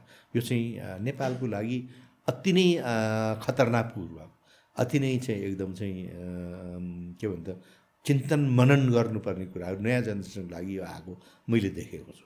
तपाईँलाई पोलिटिक्समा इन्ट्रेस्ट कहिले पनि भएन। यो आई मिन तपाईँको बुकमा पनि लेख्नुभएको छ। पुष्पकमल दाहाल प्रचण्डले तपाईँलाई पोलिटिक्समा आउनुहोस् भनेर अफर गर्दाखेरि पनि तपाईँ चाहिँ जान मान्नु भएन। खासमा के कारणले होला जस्तो? एउटा त पोलिटिक्स गर्नलाई एउटा चाहिँ एप्टिच्युड हुनु पऱ्यो पोलिटिकल एप्टिच्युड भन्छ नि। त्यो सायद ममा छैन। र नेपालको सन्दर्भमा मलाई चाहिँ नेपालको सन्दर्भमा पोलिटिक्स गर्नु भनेको झुट बोल्नलाई माहिर हुन सक्नु पऱ्यो होइन? छट्टु हुनु पऱ्यो त्यो छट्टुपन चाहिँ देशभन्दा आफूले ठुलो बनाउनु। अर्को कुरा तपाईँसँग प्रशस्त पैसा हुनु पऱ्यो त्यो पैसा चाहिँ अब ढाँटेर छलेर झुक्क्याएर अनेक किसिमका चाहिँ यो कारवाहीहरू गरेर कानुन विरुद्ध कारवाहीहरू गरेर पैसा जम्मा गर्नु नत्र इलेक्सन त नजितिने भयो। त्यस कारण हाम्रो यस्तो अवस्थामा त्यो पोलिटिक्समा जानु भनेको म एउटा नेपाली स्वतन्त्र नागरिक भएर बसेको र अहिले मसँग तपाईँहरूले जुन एउटा चाहिँ एउटा सम्मान भनौँ या एउटा चाहिँ रिकग्नेसन दिनुभएको छ त्यो नै म घुम्छु म त ब्रान्डेड हुन्छु नि। म एउटा पार्टीको एउटा समूहको ब्रान्डेड हुन्छ त्यो एउटा कुरा। अर्को कुरा अब नेपालमा अहिले नै एक सय नौवटा पोलिटिकल पार्टिजहरू इलेक्सन कमिसनमा दर्ता भएका छन्। अब नेपाल जस्तो एउटा फुच्चे देशलाई कतिवटा पार्टी चाहिने कतिवटा चाहिँ उ गर्नुपर्ने होइन? भनेपछि जति यो पार्टी खोल्यो त्यति हामी कमजोर हुन्छौँ। किन उसले लुखा चढी झन्डा झन्डा झम्टी अहिले सासाना पार्टी खोल्यो यसले के गर्न सक्छन् होइन? यो ठुला पार्टीहरूले चाहिँ न यिनीहरूलाई चाहिँ अब के भन्छ इलेक्सन के अरे जिताउन सक्छन् नगर्छन्। ऊ आफ्नो आफ्नो स्वार्थमा प्रयोग हुने कुराहरू भए। त्यसै कारणले म चाहिँ यो नेपाली पोलिटिक्समा म जानु भनेको आफूले आफैलाई तल झार्नु हो भन्ने मेरो चाहिँ सोचाइ भएको हुनाले म चाहिँ एउटा साधारण व्यक्ति भएर बसेको कारण थियो। अब प्राय मलाई धेरैले भन्छन् पोलिटिक्स पार्टी खोल जाऊ म रिटायर हुने त्यो पार्टी पार्टी खोल्यो भने ठुलो पार्टीमा मिला भने मन्त्री हो भने इत्यादि भने एम्बेसडर भएर जाऊ भने मेरो भइहाल्यो म त्यो कसैको चाकरी गरेर कसैको घरमा गरेर म मलाई हिजो मात्रै एउटा थाहा भयो। एकजना चाहिँ मैले चिनेको मेरै जिल्लाको एकजना चाहिँ यो अर्थविद हुनुहुन्छ। ब्याङ्कमा धेरै समय काम गर्नुभएको छु ओल्ड ब्याङ्कमा। के अरे नेपाल राष्ट्र ब्याङ्कमा त्यो चाहिँ ओल्ड ब्याङ्कमा खटिनु पऱ्यो त्यो ओल्ड ब्याङ्कमा हालाकि उहाँ चाहिँ एकदमै त्यसको लागि चाहिँ एकदमै के भन्छ क्वालिफाइड व्यक्ति। तर त्यहाँ जाँदाखेरि त्यस बेलाको अर्थमन्त्रीज्यूले मेरो छोरालाई अमेरिकामा उसको छोराको ब्याङ्कमा हरेक उसको तलबाट हजार डलर हालिदेऊ अनि पनि पठाउँछु भनेर उहाँ गएँ। म त्यसरी क्वालिफाइड हुँदाहुँदै मैले त्यसो गर्नु पऱ्यो भनेर भनेर अस्ति भर्खर मैले चाहिँ थाहा पाएँ। अनि त्यो गर्ने क्षमता त्यो गर्ने सामर्थ्य अथवा त्यो गर्ने त्यो एउटा चाहिँ त्यो छोटोपन भनौँ कि अब त्यो सानोपन मूर्खता ममा त्यो त्यो खुबी छैन। त्यसैले म जान सकिनँ। जसले पनि भन्ने कुरा चाहिँ के भन्यो भनेपछि यङ जेनेरेसन या युथहरू पोलिटिक्समा नलागेसम्म यो देशमा केही पनि हुँदैन भनेर भन्छ होइन। मलाई चाहिँ तर क्वेसन के आउँछ भनेपछि युथ राम्रै एउटा मेन्टालिटी या राम्रै एउटा इन्टेन्सनले छिरे पनि उसलाई काम गर्न पाउँछ त। कसरी त्यो चेन्ज हुन्छ त? अनि त्यो यो यो त एउटा भिसियस साइकल भयो नि त। यो कसरी ब्रेक हुन्छ साइकललाई यो भिसियस साइकललाई तोड्नको लागि विभत्स बनाउनको लागि अब नयाँ जेनेरेसनहरू नयाँ सोचका साथ होइन? नयाँ चाहिँ इन्सपिरेसनका साथ नयाँ विश्वासका साथ एक ठाउँमा बस्नु छ पऱ्यो र सबभन्दा पहिला नेपाललाई शिरमा राख्नु पऱ्यो उसलाई के एउटा चाहिँ भावनाले परिपूर्ति चाहिँ हुनु पऱ्यो भनेदेखि म सबभन्दा पहिला नेपाली हुँ। म नेपाली हुँ। त्यसपछि मात्रै मेरो धर्म मेरो जात जाति भेगी भाषी मेरो चाहिँ पोलिटिक्स आउँछ। तर सबभन्दा पहिला म नेपाली भनेर यो चिजलाई स्कुल कलेजदेखि नै घरदेखि नै अब नयाँ जेनेरेसनले त बच्चाहरूलाई हामीले यसरी चाहिँ उकास्न सक्नुपर्छ यसरी चाहिँ उत्साहित गर्न सक्नुपर्छ। अनि मात्रै त्यो नेपाल चाहिँ बलियो हुन्छ दिगो दरिलो हुन्छ र नयाँ जेनेरेसनले एउटा स्ट्यान्डका साथ एउटा अडानका साथ म पहिला नेपाली भनेर नेपालको स्वार्थ नै मेरो स्वार्थ भन्ने त्यो बुझ्छ। त्यो गर्नको लागि केही समय लाग्छ तर सम्भव छ। र नेपाली नयाँ युवा युवतीहरूले यसमा चाहिँ एकदमै गम्भीर भएर सोच्ने अवस्था आएको छ। यो अहिलेको यस्तो रणाकोले यो देश चल्दैन यो देश खत्तम हुन्छ। अहिले हामी माग्ने माग्नेमा को अवस्थामा हामी पुगेका छौँ तपाईँलाई थाहा छँदैछ मलाई त्यस्तो लाग्छ। तपाईँको चाइल्डहुडको एकचोटि कुरा गरौँ। एकदमै इन्ट्रेस्टिङ छ तपाईँले जुन हिसाबले चाहिँ राजा महेन्द्रलाई भेट्नु भएको थियो। जुन त्यो एन्काउन्टर छ फर्स्ट तपाईँले भेट्नु भएको। त्यसको बारेमा एकचोटि तपाईँको बाल्यकालको बारेमा एकचोटि कुरा गरिदिनु न। ठिक के कुरा गर्ने अब त्यो। मैले धेरै कुरा त मैले बिर्सि पनि सकेँ। मलाई थाहा भएको फर्स्ट टाइम तपाईँले राजा राजा भने कस्तो हुँदो रहेछ भनेर लेख्नु भएको छ तपाईँले। मलाई चाहिँ अहिलेसम्म थाहा भएको कुराहरू मेरो राजा हेर्ने चाहना राजा भनेको कस्तो हुँदो रहेछ? मैले चाहिँ के भन्छ महाभारतमा रामभारतमा देवी भागवतमा स्वस्तानीमा राजाका कथाहरू सुनेको पढेको होइन? हामी चाहिँ अब चार वर्ष पाँच वर्ष हुँदाखेरि नै त्यसमा चाहिँ बुझ्नु सुन्नु केही पनि छैन। राम राम भन्ने दुई एकान दुई भन्ने दससम्म कण्ठ गर्ने जसले छिटो कण्ठ गर्ने त्यही चाहिँ त्यहाँ चाहिँ गुरु। त्यो बिस वर्षको बच्चा पनि त्यही एउटै क्लास हुने हो पाँच वर्षको बच्चा पनि एउटै क्लास हो। त्यस्तोमा हामीले क ख ग सिकेको मैले र त्यो चाहिँ बाँसको पट्यास हुन्छ। थाहा छ कि छैन? बाँसको पट्यास भनेको बाँसको बोक्रा हुन्छ नि? पट्यास भन्छ। त्यो सेतो यत्रो यत्रो हुन्छ नि हामी त्यसमा ढ्याङ्ग्रो पनि खेदिहाल्थ्यौँ। तर त्यसैमा हामीले फिजाएर त्यसमा धुलो हालेर सिन्काले यस्तो चाहिँ सिन्काले क ख ग ख पढेको मान्छे हामी। मैले पढाइ त्यसै गरेर अनि अलिकति हुँदै जाँदाखेरि पार्टी काठको पार्टी बनाएर त्यसमा चाहिँ अँगारले लिपेर अनि त्यसमा चाहिँ खरीले। क ख पहिला त धुलो हालेर नै पछि खरी आएपछि खरीले। हामी त्यसरी शिक्षा सुरु गरेको र मलाई पढ्नमा अति नै रहर मलाई। के कारणले त्यस्तो तपाईँलाई स्टडिजहरू मलाई चाहिँ पढ्नमा चाहिँ मलाई चाहिँ अरूभन्दा जान्ने सुन्ने हुने अरूभन्दा धेरै जान्ने नै हुनुपर्छ भने मलाई त्यो कता कताबाट चाहिँ आइराख्ने। अनि मेरो आमाले चाहिँ मलाई मेरो आमा चाहिँ एउटा अनपढ गामा आइमै होइन। अनि उहाँले चाहिँ बेलुका सुतेको बेला उहाँले चाहिँ अब उहाँ चाहिँ छु त्यो बिडी के अरे सुर्ती भन्छ त्यो पातमा बेरेको सुर्ती खानुहुन्थ्यो बेलुका सुत्दाखेरि। अनि म त छेउमा सुत्ने सानो सबभन्दा कान्छो मान्छे म। अनि त्यस बेलामा उसले चाहिँ यस्तै गफ गर्दै गर्दै अब देवी भागवत पढिदिनु पर्ने रामायण पढिदिनु पर्ने हामीले त्यो चाहिँ बाह्रखरी सिकेपछि त्यो पढिदिनु पर्छ बेलुका आमालाई।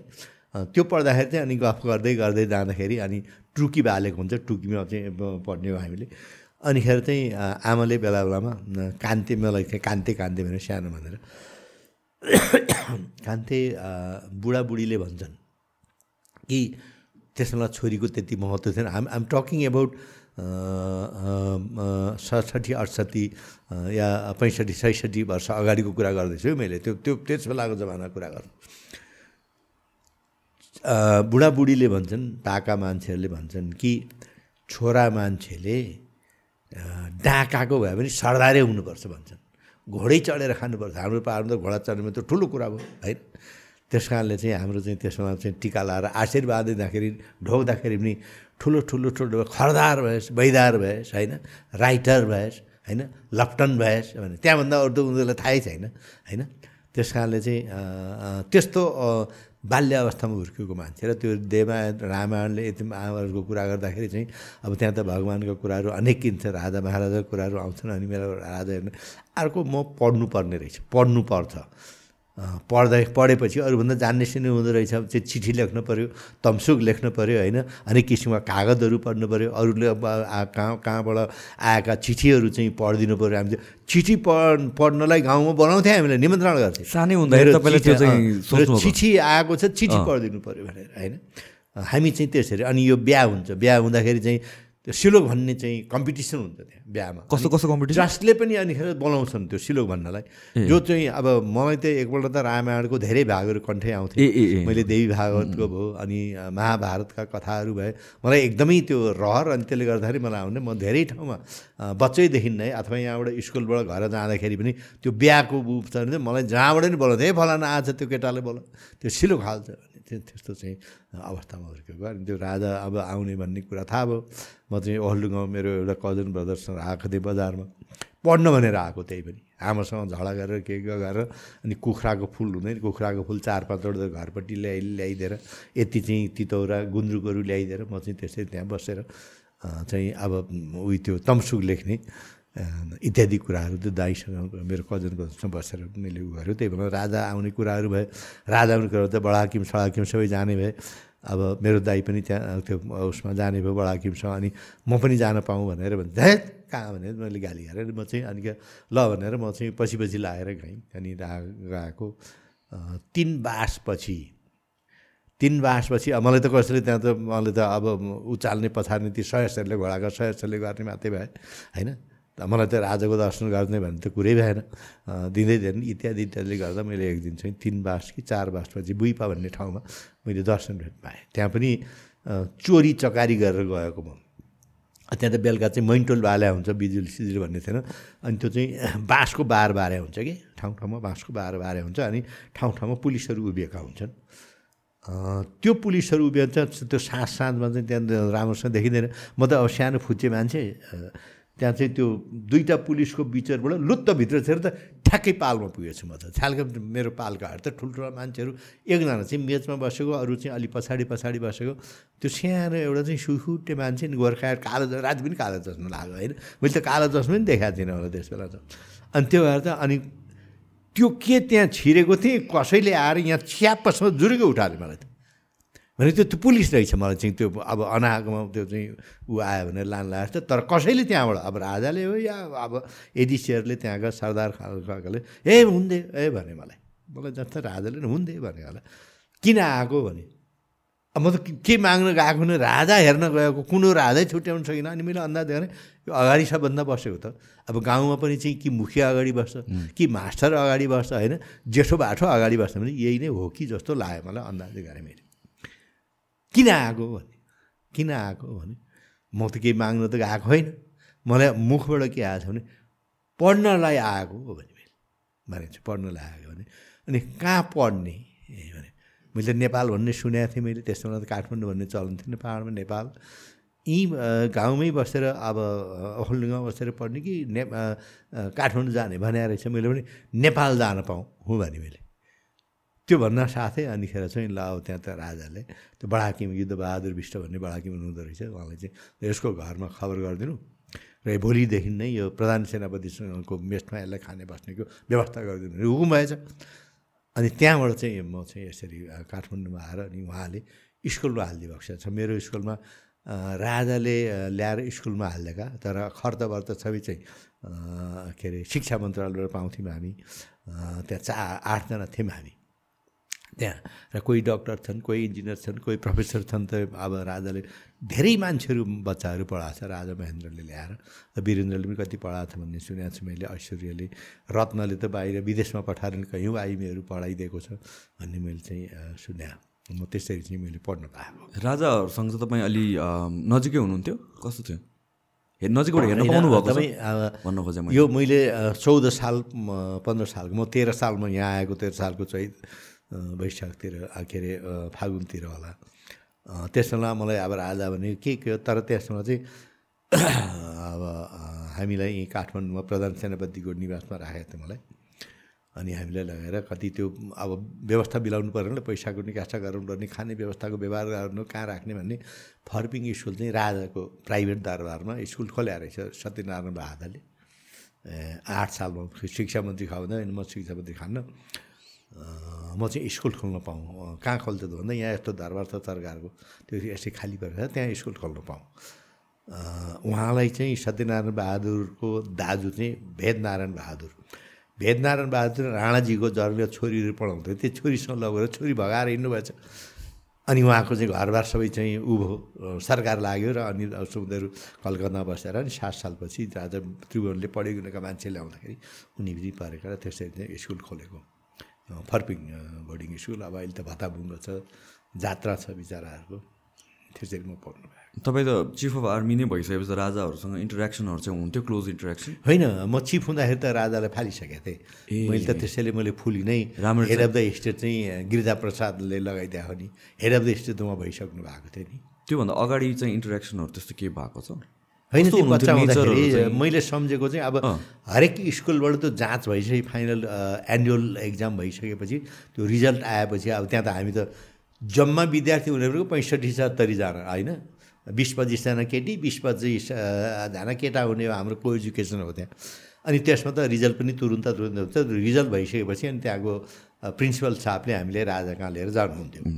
अनि त्यसरी चाहिँ त्यही अनि के भन्ने गर्लफ्रेन्ड कति बनायो भन्ने इत्यादि खाना कस्तो अनि मन ला- पढ्न कहाँ छ भने चाहिँ ओहो यो त डबल के अरे डबल प्रमोसन लिएर पनि फर्स्ट भयो। म डबल पाँचबाट एकैचोटि सातमा गएर पनि फर्स्ट भएको म। यो चाहिँ महेन्द्रको पाला भन्नुभयो महेन्द्रको पाला। अब पन्ध्र सोह्र सालको कुरा गरिरहेको छु अनि सत्र साल पौष एक गते राति चाहिँ मैले महेन्द्रलाई लास्ट टाइम भेटेको मैले भेट्न पाएको। त्यही त्यो त्यो फाइनल उ गरेर मलाई त्यहाँ छोडेर हेडमास्टर त हिँड्नुभयो मैले त राति कति बेला दिउँसो तिन चार बजीतिर त्यहाँ गएको अब भोलिपल्ट त त्यत्रो काण्ड हुने रहेछ। त्यसो पनि अब रातिको एक दुई बजीतिर अब त्यो सिपाहीहरूको त्यो ब्यारेकबाट खाना ल्याइदियो त्यहीँ सोफामा। अनि त्यो खाना खाएर म त दिसुँदैछु निधाएको छु नि बच्चा मान्छे होइन? अनि राति कति बेलातिर उठाएर मलाई राजामा लग्यो। मैले त स्कुलको ब्लेजर पाइन्ट लगाएको थिएँ। स्कुलमा त्यो गोजीमा हात हालेछु मैले। अ, गोजीमा हात हाल्थ्यो मल्ल जर्ने भन्ने हुनु। उहाँले आएर चाहिँ हात झिक्दिनु भयो। राति यसरी राख्नुपर्ने रहेछ राजाको अनि मैले त सर सर भने अनि सेज मेजेस्टी भने राजा आफैले से यो मेजेस्टी? ए भने सर होइन यो मेजेस्टी भन्नुपर्ने रहेछ। होइन हामीले त थाहा थिएन। त्यसरी उहाँले त्यही बेलामा चाहिँ how many girl friends have made none sir भने मैले सरकार none sir you don't have a girl friend so far भने राजा महेन्द्रले यिनीहरू चाहिँ कुराहरू भए उ गरेँ अनि मलाई एउटा चाहिँ कविता ल्याएको छु भने मैले चाहिँ एउटा खास कुरो अब भत्रो भत्रोकै कविता ल्याएको छ मैले उ गरेर ल्याएको थिएँ त्यो पढाएर अनिखेर राजालाई भेटेपछि पचास रुपियाँ पकेट खर्च दिने चलन हरेक ताल राजालाई भेटेपछि राजालाई दुईपल्ट भेट्ने भएपछि एउटा चाहिँ दसैँको दिन अर्को चाहिँ यो फाइनल जाँच भएपछि त्यहाँ राजाको दर्शन त्यो भोलिपल्ट एघार बजे त्यहाँ गएर चाहिँ हामीलाई पचास रुपियाँ एउटा केक किताबमा सही गराएर हामीले दिन्थ्यौँ। ढड्डामा। त्यो राजाले प्राइभेट पकेट खर्च दिएको। अब त्यस्तो खालको पचास रुपियाँ नयाँ नयाँ पाउँथ्यो। धेरै ठुलो। धेरै ठुलो नि। अनि भोलिपल्ट एघार बजे चाहिँ म त्यहाँ नारेटीको त्यो पश्चिम गेटमा गएको थिएँ। त ढोकामा त त्यो गोल्चे ताल्चा भन्ने चाहिँ नि भोटेला त्यो हो। त्यो आएछ बा अनि त्यहाँको चाहिँ त्यो म, बडाबारेन सरकारको त्यो मामा माओ बाबु साहेब चुडा विक्रम शाह त्यहाँ सरदारहरू रत्नबहादुर सरदार को को सबै बाहिर चाहिँ बसिरहेका छन् अनि त्यहाँ बसिरहेको हुन अब म पनि अल्झाउनु पऱ्यो अनिखेर एकछिनपछि एउटा झिमझिमे मेजर हुनु त्यसपछि कर्नेल हुनुभयो। त्यो झिमझिमे आँखा झिम झिमझिम गर्थ्यो। त्यो चाहिँ एउटा गुरुङ हो क्यारे उहाँले ढोकामा आएर आज हजुरको अफिस छैन हजुरहरू सबैको आफ्नो आफ्नो घर जाने भनेर भने। त्यो कसैलाई थाहा रहन्छ कहाँ के भइरहेछ त्यो सम्बन्धित बाहेकलाई। के भएको थियो त्यतिखेर? त्यही त पुस एक गतेको काण्ड हुने रहेछ नि त त्यही दिन मन्त्रीहरूलाई पक्रिने उ गर्ने अब। पुस एक गते पञ्चायत वर्ष इत्यादि गर्ने रहेछ नि। अनि म पनि त्यहाँ एघार बजे जब टुर्दा कुरा गर्छु त्यही झिमिँदैन मैले भने मलाई त एघार बजे मलाई आउनु भनेको छ मैले त यसरी उ गर्नुपर्छ हिजो बेलुका राजा गर्दा हे पुच्चे छोडिदे तेरो एघार बजे हराए अब। पछि कुनै दिन मौका पाएछ भने आउँदैछ भनेर मलाई त्यो पहेँलो चाहिँ मगमा चिया खानिदिए मलाई। अनिखेर म हिँडेर अनिखेर दिक्क भएर मेरो पचास रुपियाँ टुट्यो। साइकलको पो झिर्न लागेको थियो। साइकलको अब त्यो दिनभरिको एक सुगा तिर्नु पर्थ्यो त्यहाँ त्यही ठमेलमा। त्यो रानी पोखरीको उसमा चाहिँ साइकल पस्टर उठ्थेँ दिनभरि चढेर हैरान हैरान भएर होटलमा भात खाने। त्यसो गरेको त्यो चाहिँ गर्नु त्यहाँबाट त्यही साइकल चढेर लुखुर लुखुर आएको त्यो पिपलको रुखमा के अरे खरीको रुखमा खरीको बोर्ड थियो त्यसमा खरीको वरिपरि त्यहाँ चौतारो थियो। त्यहाँ आइरहेको त्यही होटलको गुरु चाहिँ त्यो होटल चलाउनु गुरु शक्ति होटलको। त्यो गुरु चाहिँ यताबाट आइरहेको छ म त भर्खर सिकेको साइकल अनि ए ए भन्दा भन्दै त्यसो टाढो भने त्यसलाई लडाइदिएँ। लडाएर ए कारी ल भरे तपाईँलाई यो चिकन त्यसले चाहिँ त्यो तातो चिकन तातो चिकन भन्दै झोल मार्दै हिँड्थ्यो कि थप्नुलाई तपाईँले बन्द गर्नु मलाई यस्तो गर्ने अब होइन गुरु म जाने म त ल मैले जानेर गरेँ भने त्यहाँबाट चाहिँ साइकल चढ सिंहदरबार हुँदा। पुती सडकमा गएको पुती सडकमा त्यो डिडी बजार पुती सडकको दुटो बाटोमा एउटा ठुलो त्यो लाउड स्पिकर राखेको थियो। अनि त्यहाँ चाहिँ पन्ध्र बिसजना मान्छे जम्मा भएर चाहिँ यसो आवाज के बोल्छ कसले बोल्यो भन्छ राजाको आवाज सुनि यो त पक्कै राजाको हो भने त्यहाँ हा बत्ती बाल्ने इधर बेलुका दुनियाँभर भयो। त्यसरी चाहिँ पुसको पुस एक गति त्यस्तो गरेको मलाई थाहा छ। चाहिँ इतिहास एउटा नयाँ कुरो। अब कतिजनालाई अब यो अलिकति कन्ट्रोभर्सियल होला होइन तर मलाई अहिले पनि अचम्म लाग्छ कि? एउटा देशको रोयल फ्यामिली नै सखाप गरिदिएको के? यसको बारेमा न धेरै त्यस्तो खासै कुरा भएको छ के हो कसो केही पनि थाहा छैन। धेरैलाई थाहा छैन कथा सुनिरहेको होइन? द्याट इज कन्ट्रोभर्सियल तर हाउ इज द्याट पोसिबल त्यही त लुक्स इम्पोसिबल र मैले मेरो किताबमा तपाईँले पढ्नु भएको होला मैले त्यहीँ भनेको छु। राजाको सेक्युरिटी ल्याएको बसेका ड्युटी अफिसरहरू त्यहाँ जर्नल को को थिए?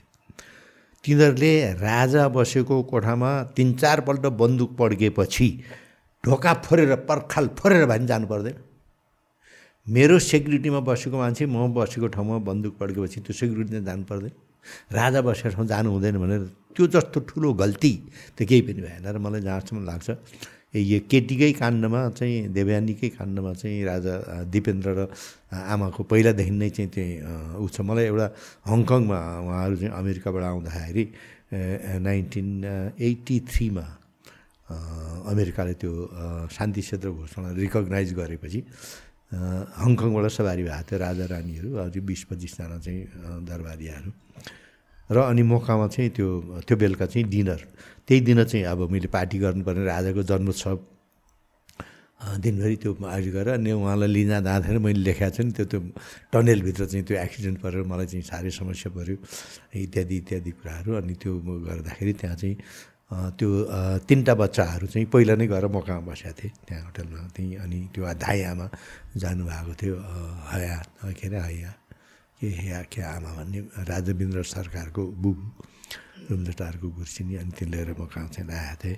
अनि त्यो असाध्यै चकचकी त्यो दिपेन्द्र चाहिँ एकदमै चकचकी त्यो भाइ बहिनीलाई पिट्ने कुट्ने अनि त्यो गोजीभरि चक्ले लाएर नै त्यस्तो किसिमको बच्चा। अनि त्यो बेलुका चाहिँ त्यो अब खाने उ गर्ने भइरहेको छ अनि त्यो खानाको कुराहरू भए रक्सी के खाने भन्ने कुराहरू भए उहाँले खाने ब्रान्ड मैले भेटाउन सकिनँ हङकङ कहीँ पनि रहन्छ। अन्त एउटा साधारण त्यो त्यो घामा हुस्की खा के अरे ब्रान्डी खानु हुँदो रहेछ फ्रेन्च ब्रान्डी त्यो जहाँ पाइ नपाउने रहेछ कुनै ब्रान्डेड होइन रहेछ त्यो त। अनि त्यही बेलामा म त्यो बडाबानु सरकारले हुकुम भएको मैले सुनेको छु। पक्न तँलाई आर्मी कलेजमा आर्मी चाहिँ त्यो एकाडेमीमा लगाएर क्यारेट ट्रेनिङ गरेर अनि थाहा पाउँछस् भनेर। मैले भनेको मैले सुन्थेँ। अनि त्यो चाहिँ चुरोट चुरोट खाने त्यो बच्चादेखि नै अनि चुरोट त्यो समातेर चाहिँ मुखमा चाहिँ पोल दिने इत्यादि इत्यादि। अलि गडबडी छ आमा र छोराको बिचमा पहिलादेखि नै पछि अब उमेरदार भइसकेपछि लपसप गरे। त्यो चाहिँ अब के कारणले अब त्यो आफ्नो चाहिँ त्यो क्लासको कारणले गर्दाखेरि त्यसलाई एक्सेप्ट गरेन त्यसैमा चाहिँ यो भयो भन्ने कुराहरू छ। र मलाई पनि विश्वास लाग्दाखेरि त्यो सबै जति थाहा पाएँ मैले त्यो थाहा पाएको हेर्दाखेरि त्यो दिपेन्द्रकै कारण हो। त्यो एउटा आवेशमा आएर त्यो चाहिँ एउटा ड्रग खाएको ड्रिङ्क गरेको सुरमा आएर त्यो चाहिँ एउटा अब अब बाउलाई चाहिँ एउटा तर्साउने हिसाबले बाउलाई मारेर आफू राजा हुने त्यो उल्क्याएका अरूहरूले उल्क्याएका भरमा गरेको जस्तो लाग्छ मलाई। अब त्यो गर्दै गर्दै त्यो इमोसनमा आएपछि त त्यो चढेपछि त गोली हान्दा हान्दा त्यो ऊ भयो इत्यादि भयो अनि त्यस्तो व्याचाकार भयो। र त्यसको चाहिँ एउटा चाहिँ खोज तलास गर्नुपर्ने। त्यसको एउटा ठुलो चाहिँ इन्क्वायरी गर्नुपर्ने हो। चाहिँ त्यो के भन्छ त्यो चाहिँ खोजी नीति गरेर सत्य तथ्य के बाहिर ल्याउनु पर्नेमा त्यस बेलाका नेताहरू त्यस बेलाकै एकजना चाहिँ नेताले उहाँले कै उहाँकै संस्था ज्ञानेन्द्रलाई यो विषयमा चाहिँ एउटा चाहिँ कमिटी गठन गरेर उ गर्नु पऱ्यो भनेर सल्लाह दिए। ल त्यसमा तपाईँ पनि बस्नुहोस् भनेर उहाँले चाहिँ अपोजिसनको नेता भनेर राखेको। उहाँ हुन्छ भनेर बाहिर आएर म त बस्दिनँ भनेर त्यस्तो चाहिँ धोकाधडीहरू भयो। अहिले कुरा चाहिँ दसवटा गर्छन् उनीहरू। तर अहिलेसम्म पनि खोजी नीति त कसैले पनि गर्दैन। अनि त्यसबाट अब चाहिँ त्यो जो जसले चाहिँ त्यो त्यसको चाहिँ जिम्मेवारी लिएर कमिटी गठन गरेको उहाँले नै अब एउटा चाहिँ के त्यो चाहिँ एउटा चाहिँ जोक्कर तालले भटट भटट भनेर अनेका त्यो बन्दुक यसरी पढ भन्ने त्यसमा चाहिँ धेरै जनताले कन्सिडरेसन कुरा गरिरहेको छन् विदेशीहरू पनि धेरै चाहिँ विश्वास गरेको थियो कतिले राजा ज्ञानेन्द्रलाई दोष दिए र मलाई लाग्छ उहाँ त त्योभन्दा पहिला नै पो पोखरामा गएर बसेको भन्नु त मलाई थाहा छ अनि उहाँलाई चाहिँ ल्याउनलाई राति हेलिकप्टर पठाएको गरेको पनि मैले चाहिँ मैले थाहा पाएको छु त्यस कारणले उहाँको हात यस्तो होला भन्ने त्यस्तो चाहिँ उहाँको जुन एक किसिमको एउटा अगाध किसिमको श्रद्धा दाजुभाइहरूमा थियो त्यो चाहिँ होला मलाई चाहिँ विश्वास लाग्दैन। तर त्यसको खोजी नीति गरेर सत्य तथ्य ल्याउन र यो कन्सपिरेसी थ्योरी भन्ने मान्छेको अनेक शङ्का उपशङ्का छ त्यसलाई चाहिँ नेपाली जनता सामु विश्व कम्युनिटीको अगाडि नेपालीहरूले अहिले पनि गर्नुपर्छ जस्तो लाग्छ। यो one of the biggest conspiracy चाहिँ के छ भने चाहिँ विदेशी हात होला भन्ने कुरा छ कि? किन विदेशी हात होला भन्ने कुरा छ? किनभने चाहिँ कसैले पनि मैले कुरा गरेँ विदेशी हात मलाई किन लाग्दैन? त्यत्रो सेक्युरिटीको ऊ छानेर त्यहाँ चाहिँ त्यो पासपोर्ट बिना कोही भित्र पस्नै सक्दैन। त्यो गर्नको लागि त धेरै लगानी गरेको होला। अथवा हाम्रा त्यस बेलाका त्यहाँका सेक्युरिटी एडिसीहरूले एडिसी जर्नेल कर्ने जो जति छ तिनले चाहिँ के चाहिँ ठुलो धोकाधडी गरेको हुनुपर्छ? त्यो मान्छेलाई भित्र ल्याएर राखेर फेरि त्यो मान्छेलाई बाहिर कहाँ गयो? त्यो मान्छे त दिँ मऱ्यो जसले बन्दुक खाने त्यो मान्छे त दिँ मऱ्यो होइन त्यो त सबलाई थाहा छ होइन? त्यो हेलिकप्टर एउटा उडेको फायर गरेर त्यो मार्ने मान्छे कहाँ गयो त? होइन त्यो मान्छे खै त? दरबारबाट हेलिकप्टर उडेको थियो भनेर भन्छ। त्यो चाहिँ के हो? उडेको थियो भन्ने के प्रमाण छ? ए प्रुफ चाहिँ खालि दरबारमा हेलिकप्टर हुँदा दरबारमा पहिले त हेलिकप्टर हुनु पऱ्यो नि। दरबारमा हेलिकप्टर जाने भनेको एयरपोर्टबाट त्यस्तै बाटोघाटो उभाएकोमा राजालाई त्यहाँ उतार्न राजालाई ल्याउनु छ त्यहाँ त हेलिकप्टर त बस्दैन एयरपोर्टमा गएर बस्छ। त्यो हेलिकप्टर त्यहाँ लाउनु त राजाको हुँ नभए कसरी पनि लान लाउन सक्दैन। अब यस्ता यस्ता मनगढन्ती कुरा गरेर अनि जनतालाई चाहिँ भ्रम छुट्याउने कारण त हाम्रै नेताजीहरूले गरे जस्तो लाग्छ। किनभने दिपेन्द्रले मारेको भन्ने चाहिँ प्राय जनताहरूले चाहिँ विश्वास गर्दैनन् कि? डिफ्रेन्ट डिफ्रेन्ट थ्योरीहरू छ यसको बारेमा। अब कोही चाहिँ बाहिर शक्तिहरूले गरायो भन्छ कसैले सिआइएले भन्छ कसैले रले भन्छ? त्यसमा सब्सटेन्स हुनु पऱ्यो नि। त्यसै मुख मौखिक मात्रै भनेर हुनु भएन। सब्सटेन्स केमा छ त? हामीले सबै चाहिँ अहिलेसम्मको थाहा पाएको हिसाबले गर्दाखेरि there is a enough logic and reason that it was Dipendra भन्ने कुरा चाहिँ। हामीले त कुनै स्वार्थवश हामीले कुनै पार पाउला भनेर अथवा केही सक्दिनँ पुग्ला भनेर त गरे होइन हामीले त हामीले जे दुनेको जे बुझेको त्यो भनिदिने हो। त्यो भएन। नेताहरूले चाहिँ आफ्नो स्वार्थको लागि अथवा राजा ज्ञानेन्द्रको रिसले व्यक्तिगत रिसले पनि उहाँलाई चाहिँ दोष दिने चाहिँ कोसिस गरेको जस्तो लाग्छ मलाई।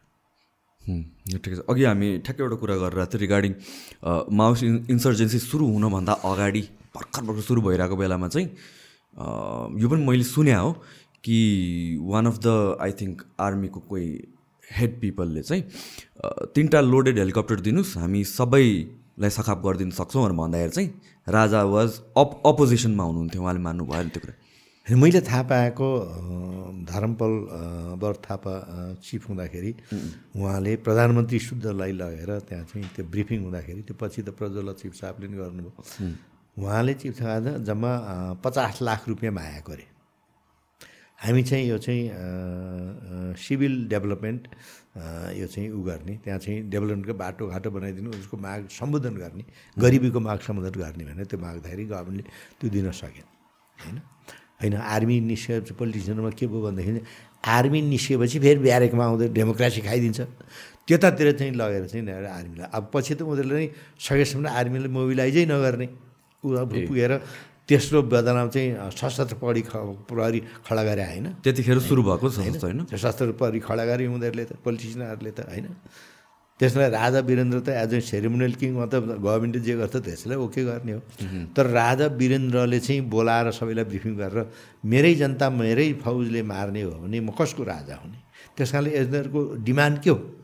त्यसलाई पो सम्बोधन गर्ने त भनेर एउटा चाहिँ लजिक त्यो चाहिँ उहाँले पेस गरेको।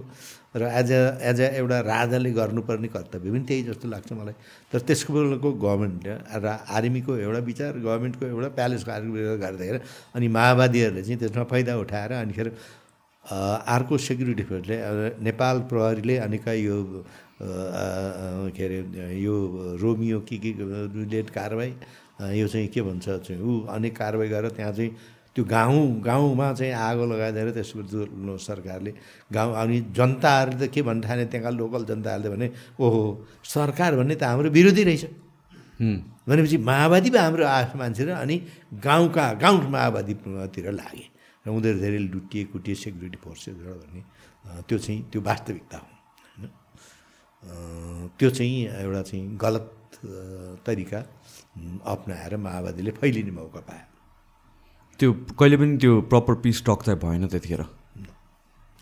पहिला त चालिस बुधे जुन माग प्रस्ताव प्रस्तुत गरे माओवादीहरूले बाबुराम भट्टराई इत्यादिले गभर्मेन्टलाई।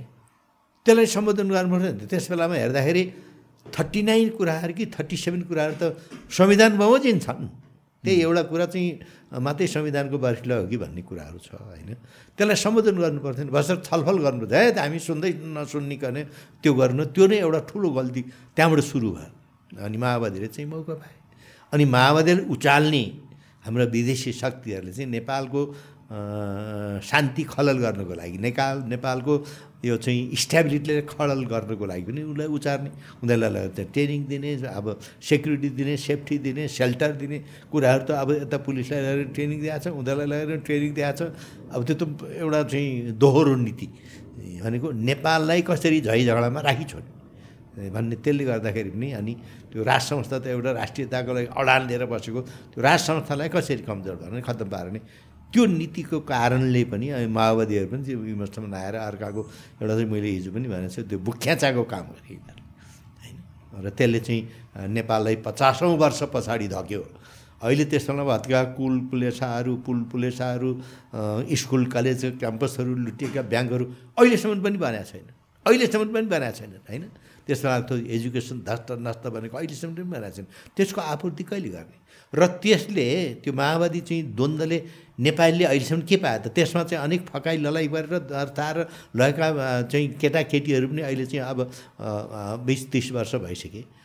तिनले अहिले खुट्टा गुमाए आँखा गुमाए हात गुमाए कसैको गोली छ। ती अहिले खान नपाएर मागेर कोही कतारतिर साउदी अरब के भन्छ कोरियातिर धकेलिएर बसेका छन्।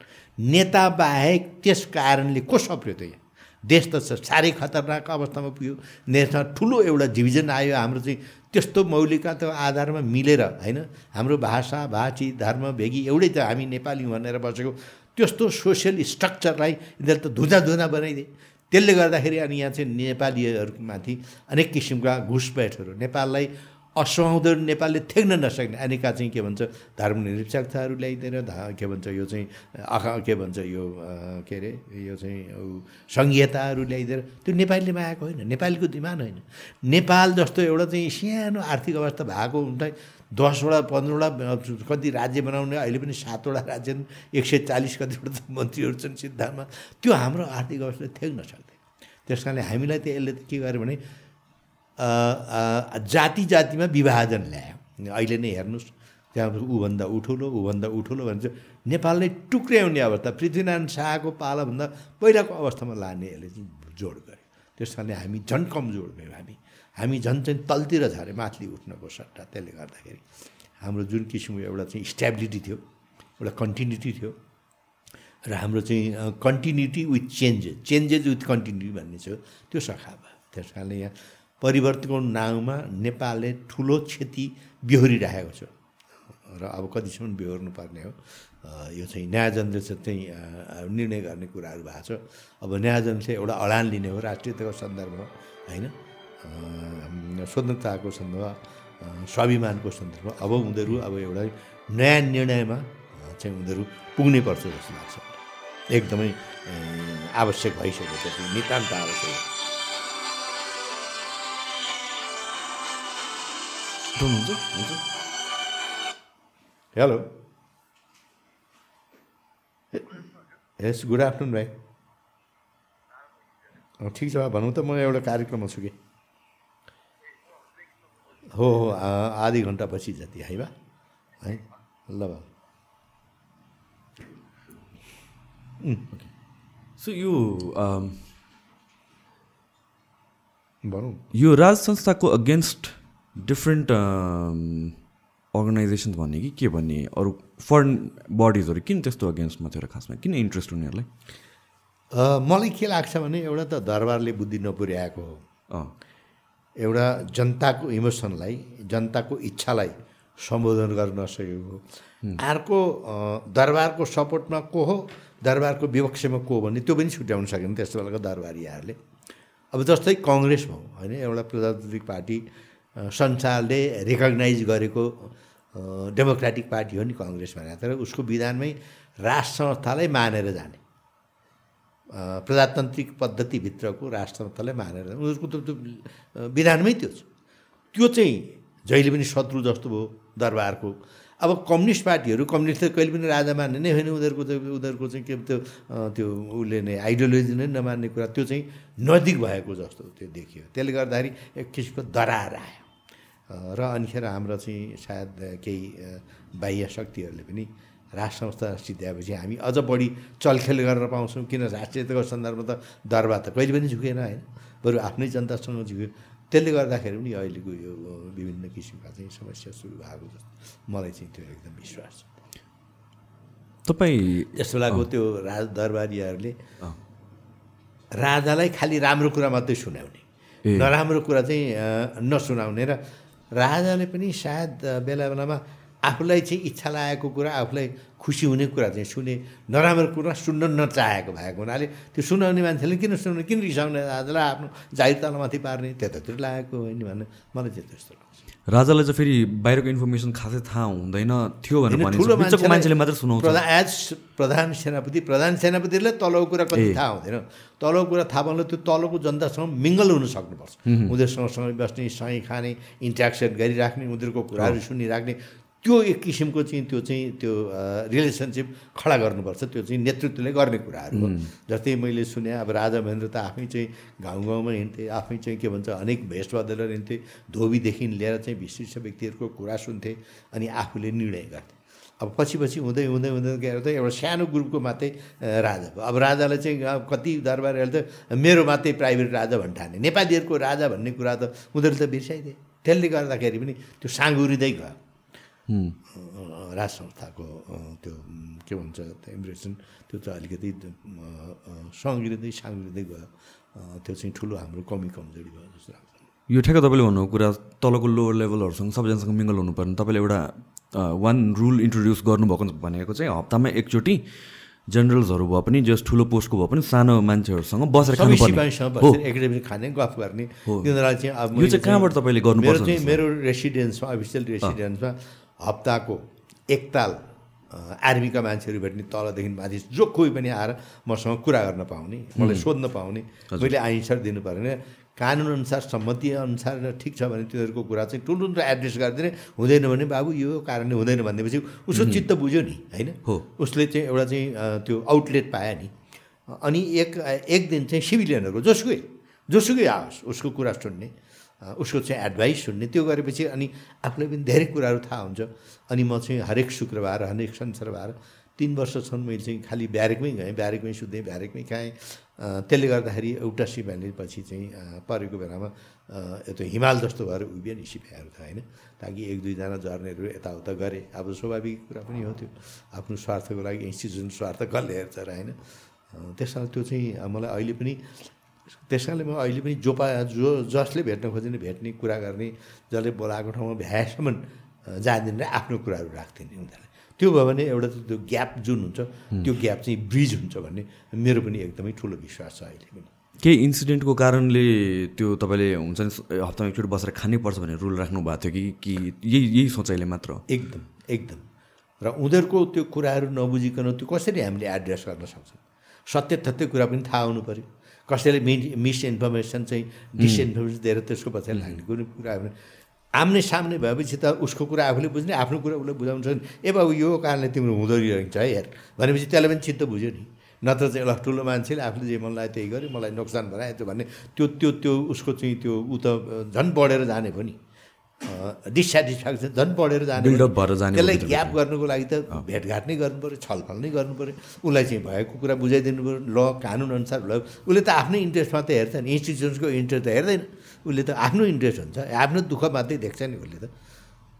त्यस कारणले यो चाहिँ अति जरुरी हुन्छ। तपाईँ आर्मी बन्छु भनेर चाहिँ सोच्नु भएको थियो पहिलादेखि? इन्ट्रेस्ट थियो कहाँबाट आयो? होइन म त आर्मी बन्ने म त यो चाहिँ एरोनोटिकल इन्जिनियर पढ्नलाई जान लागेको थिएँ सिक्सटी फाइभमा लडाइँ भएर त्यो चाहिँ बाटो बन्द भयो। यहाँबाट ढाका ढाकाबाट कराइची जानुपर्ने।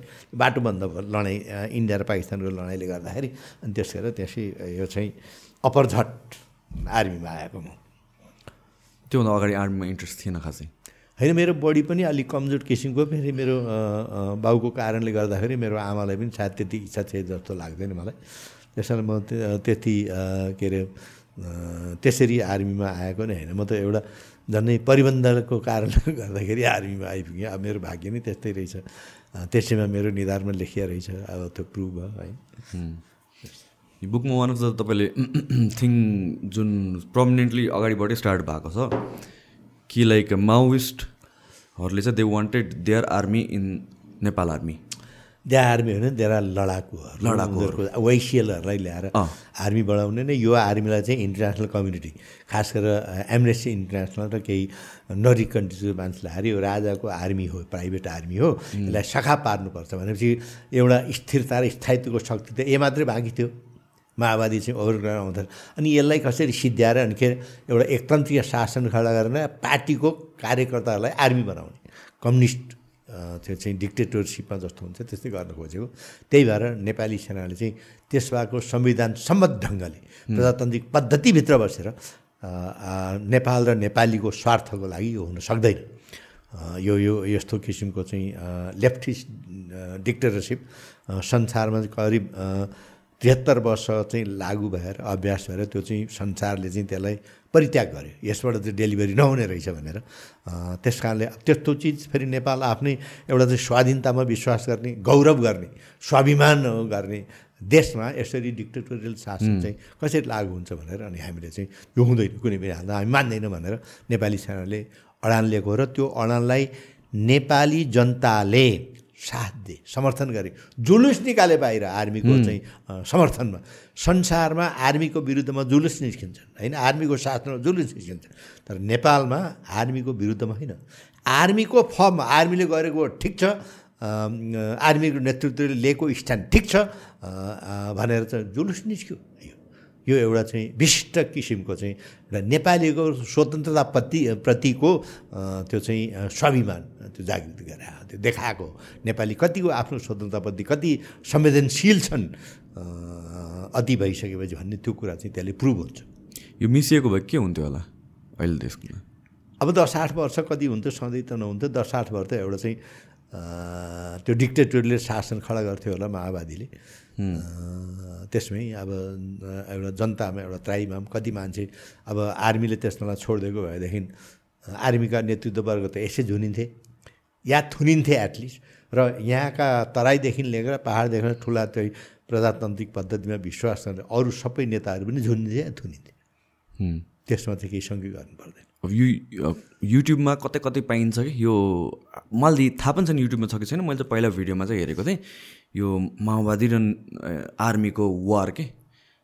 अनि त्यतिखेर मान्छे मारेकोदेखि लिएर एभ्रिथिङ खिचेको छ। कस्तो हुने रहेछ अब त्यस्तो नेपाली सेनाले कानुनभन्दा विपरीत व्यक्तिगत रूपमा काहीँ रिसको झोकमा इन्भेस्टमेन्ट गरेको भने त्यो चाहिँ त्यो एलिगेसन प्रुभ भएको ठाउँमा सबैमा कारवाही गरेको छ।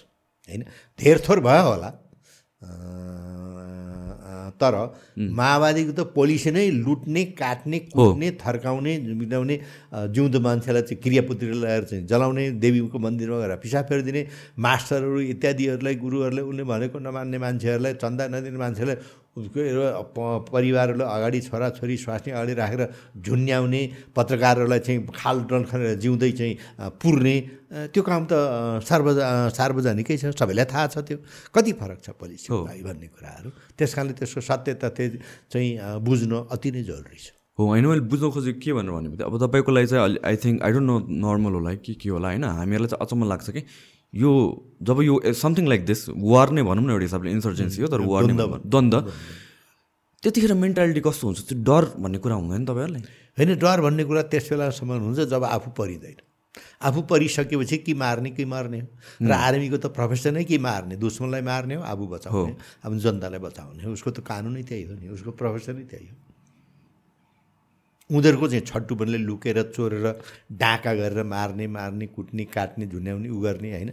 फ अब चाहिँ आर्मी नभएको ठाउँमा गभर्मेन्ट कम कमजोर भएको ठाउँमा।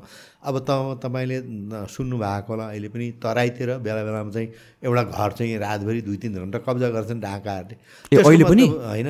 त्यसको मतलब चाहिँ त्यो एक दुई घन्टा चाहिँ कब्जा गरेर मान्छे अपहरण गर्छन् लुट्छन्।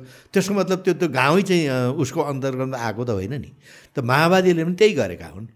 त नेपालमा नेपाली सेना सेक्युरिटी फोर्सेस जान नसक्ने ठाउँ कहाँ छ? मैले चाहिँ खबाङमा पुगेर पनि मैले भनेको छु टिभीमा कान्तिपुर टिभीमा कति आएको छ। नेपाली सेना जान नसक्ने ठाउँ यो देशमा कहाँ छ? मलाई देखाइदिनुहोस्। कहाँ छन् माओवादी? मलाई देखाइदिनुहोस् भनेको छु नि मैले। कान्तिपुर टिभीले त्यसले चाहिँ बडा एकदम चाहिँ उ गरेको छ। त्यही कुरा चाहिँ राजा ज्ञानेन्द्रले गएर चाहिँ यो चाहिँ साउथ एसियन उसको चाहिँ मिटिङमा बङ्गलादेशमा चाहिँ ढाकामा भनेको छ। वास्तविकता चाहिँ त्यो हो। एकदमै तपाईँलाई स्टुपिड क्वेसन लाग्ला तर यो वारको बेलामा अब फर वाट एभर रिजन मान्छे द्वन्द्वको बेलामा फर वाट एभर रिजन मान्छेलाई मार्नुपर्छ कस्तो हुन्छ त्यस्तो बेलामा फिलिङ होइन तपाईँलाई एउटा के कुरा थाहा हुनुपर्छ भने तपाईँलाई त्यसरी चाहिँ एकदम चाहिँ त्यो चाहिँ ट्रेन गरेको हुन्छ त्यसलाई चाहिँ इन्स्टिल गरेको हुन्छ। त्यसलाई चाहिँ ड्रिल गरेको हुन्छ। कि तपाईँलाई मार्न आउने मान्छेलाई कानुन बेच्ने मान्छेलाई जनतालाई मार्न आउने मान्छेलाई त्यसको रक्षा गर्नु नै तपाईँको प्रोफेसन हो होइन? त्यसले चाहिँ इन्स्टिल गरेको हुन्छ। त्यस कारणले त्यो तपाईँलाई मार्ने गोली आइसकेपछि त्यो गोली आउने मान्छेलाई तपाईँले गोली हान्नु स्वाभाविक त्यो जस्टिफाइड हो।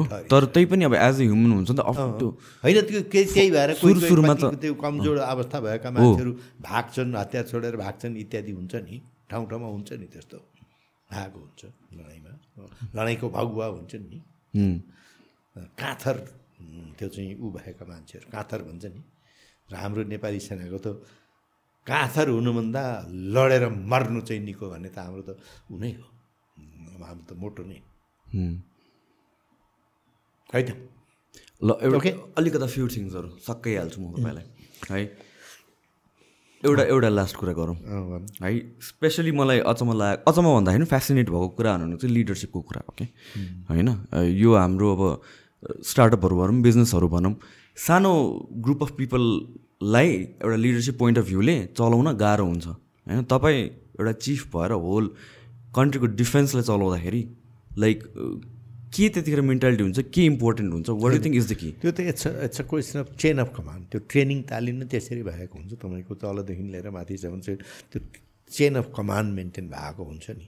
जस्तै तपाईँको स्कुलमा पनि हेडमास्टर हुन्छ। हेडमास्टरका मुनि चाहिँ विभिन्न विभागका चाहिँ प्रोफेसरहरू अथवा मास्टरहरू हुन्छन् होइन? त्यो स्कुलको एउटा नियम कानुन हुन्छ। त्यही सन्दर्भ त्योभित्र बसेर सबैले विद्यार्थीहरू सबैले त्यसलाई मान्ने हो। त्यस कारणले त्यो चाहिँ एउटा प्रोफेसनली त्यसरी चाहिँ इन्स्टिल भएको कुराहरू हुन्छ चेन अफ कमान्ड हुन्छ। त्यो मेन्टेन गरेन भने त आर्मी या जुनसुकै पनि फङ्सन गर्न सक्दैन। अन्त आर्मी चाहिँ त्यसरी एउटा स्ट्रिक्ट चेन अफ कमान्ड अनुसार बसेको हुन्छ र त्यो त्यो उसले जे जति एक्सर्साइज गर्छ त्यो त्यो अधिकार त्योसँग चाहिँ कानुनले त्यो अधिकार दिएको हुन्छ र कानुन मान्नु त सबैको चाहिँ कर्तव्य नै हुन्छ। त्यही हो त्यो आर्मीको कानुन मान्ने भनेको कुरा त्यही हो। मैले यो कानुन मिचेँ भनेदेखि मलाई पनिसमेन्ट हुन्छ।